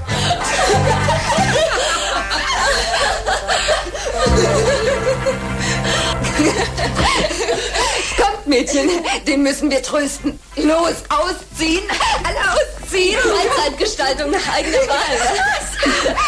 Ja, je zei net, het Shoemation Report is vrij uh, braaf. Maar uh, laat je ook een soort ontwikkeling zien... Uh, dat het allemaal iets minder braaf wordt? Iets spannender of sexier? Ja, op zich is het altijd die rand is de, de, de grens daarvan is interessant. En dat, dat kan in allerlei gradaties. Maar eigenlijk over die grens heen gaan is niet, is niet interessant meer. Is niet spannend meer. Er moet juist, er moet juist niks gebeuren. Dat is interessant. Of nou ja, en de, de ene keer gebeurt er meer niks dan de andere keer. Maar het wordt, het wordt nooit keiharde porno. Nee, nee, nee. nee.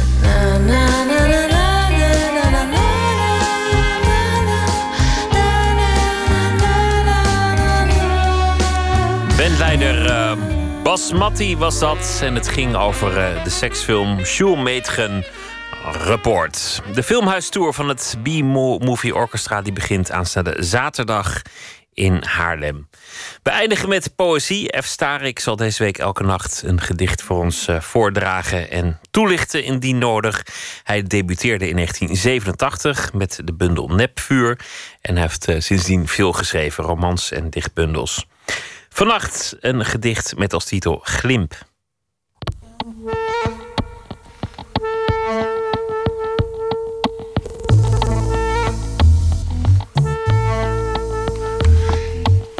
Glimp.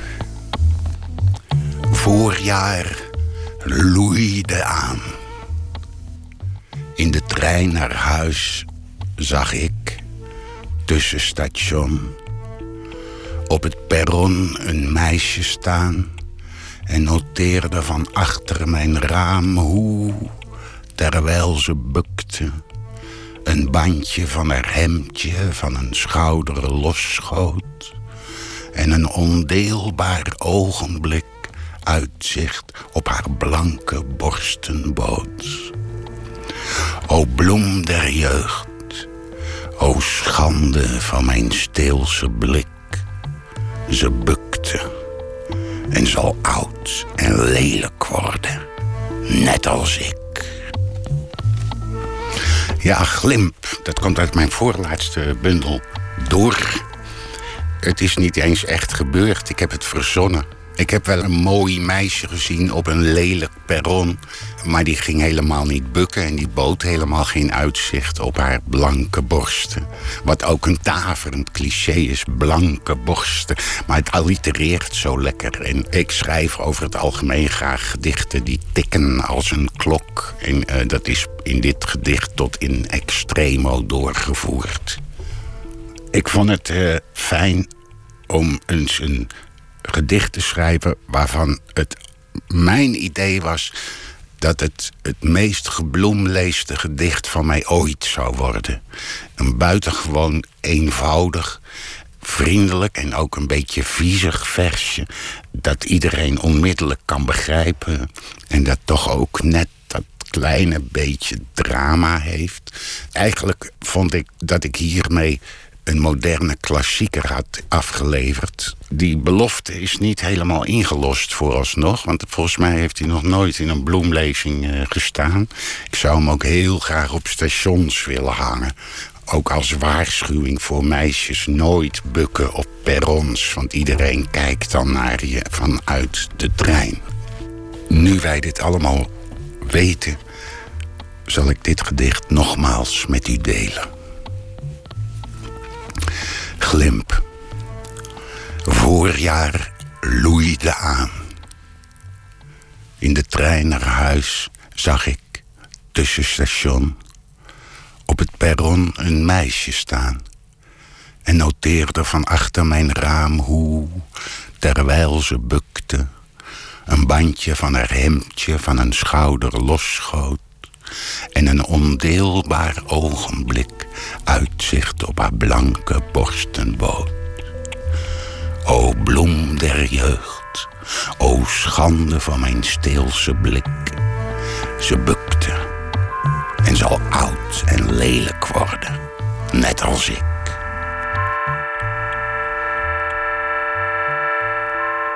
Glimp, een gedicht van F. Starik, die morgennacht weer een gedicht zal voordragen en toelichten. Morgen maakt Stichting Fotoweek bekend wie de vierde fotograaf des Vaderlands zal worden en wie komend jaar de nationale gebeurtenissen en andere gelegenheden fotografisch zal vastleggen. De afgelopen jaren waren dat eh, fotograaf Ahmed Polat en eh, Koen Hauser en Ilvi Njokti. Chen, een naam waar ik altijd moeite mee heb. En eh, morgen dus een nieuwe, maar eh, ik mag nog niet zeggen wie het is... maar die zal daarna een uur te gast zijn in dit programma. We gaan eh, vooruitblikken op een nieuw seizoen van Toren C. Een satirisch programma van Margot Ros en Maaike Meijer. Actrice Betty Schuurman komt op bezoek. Ze speelt mee in IJs en Vis. Een voorstelling van het Nationale Toneel- en Theatergroep Firma Mes. Dat allemaal morgen in Nooit meer. Voor nu wens ik u een hele goede nacht. En zometeen kunt u luisteren naar de collega's van Omroep WNL met Nog Steeds Wakker. Een hele goede nacht en graag weer tot morgen.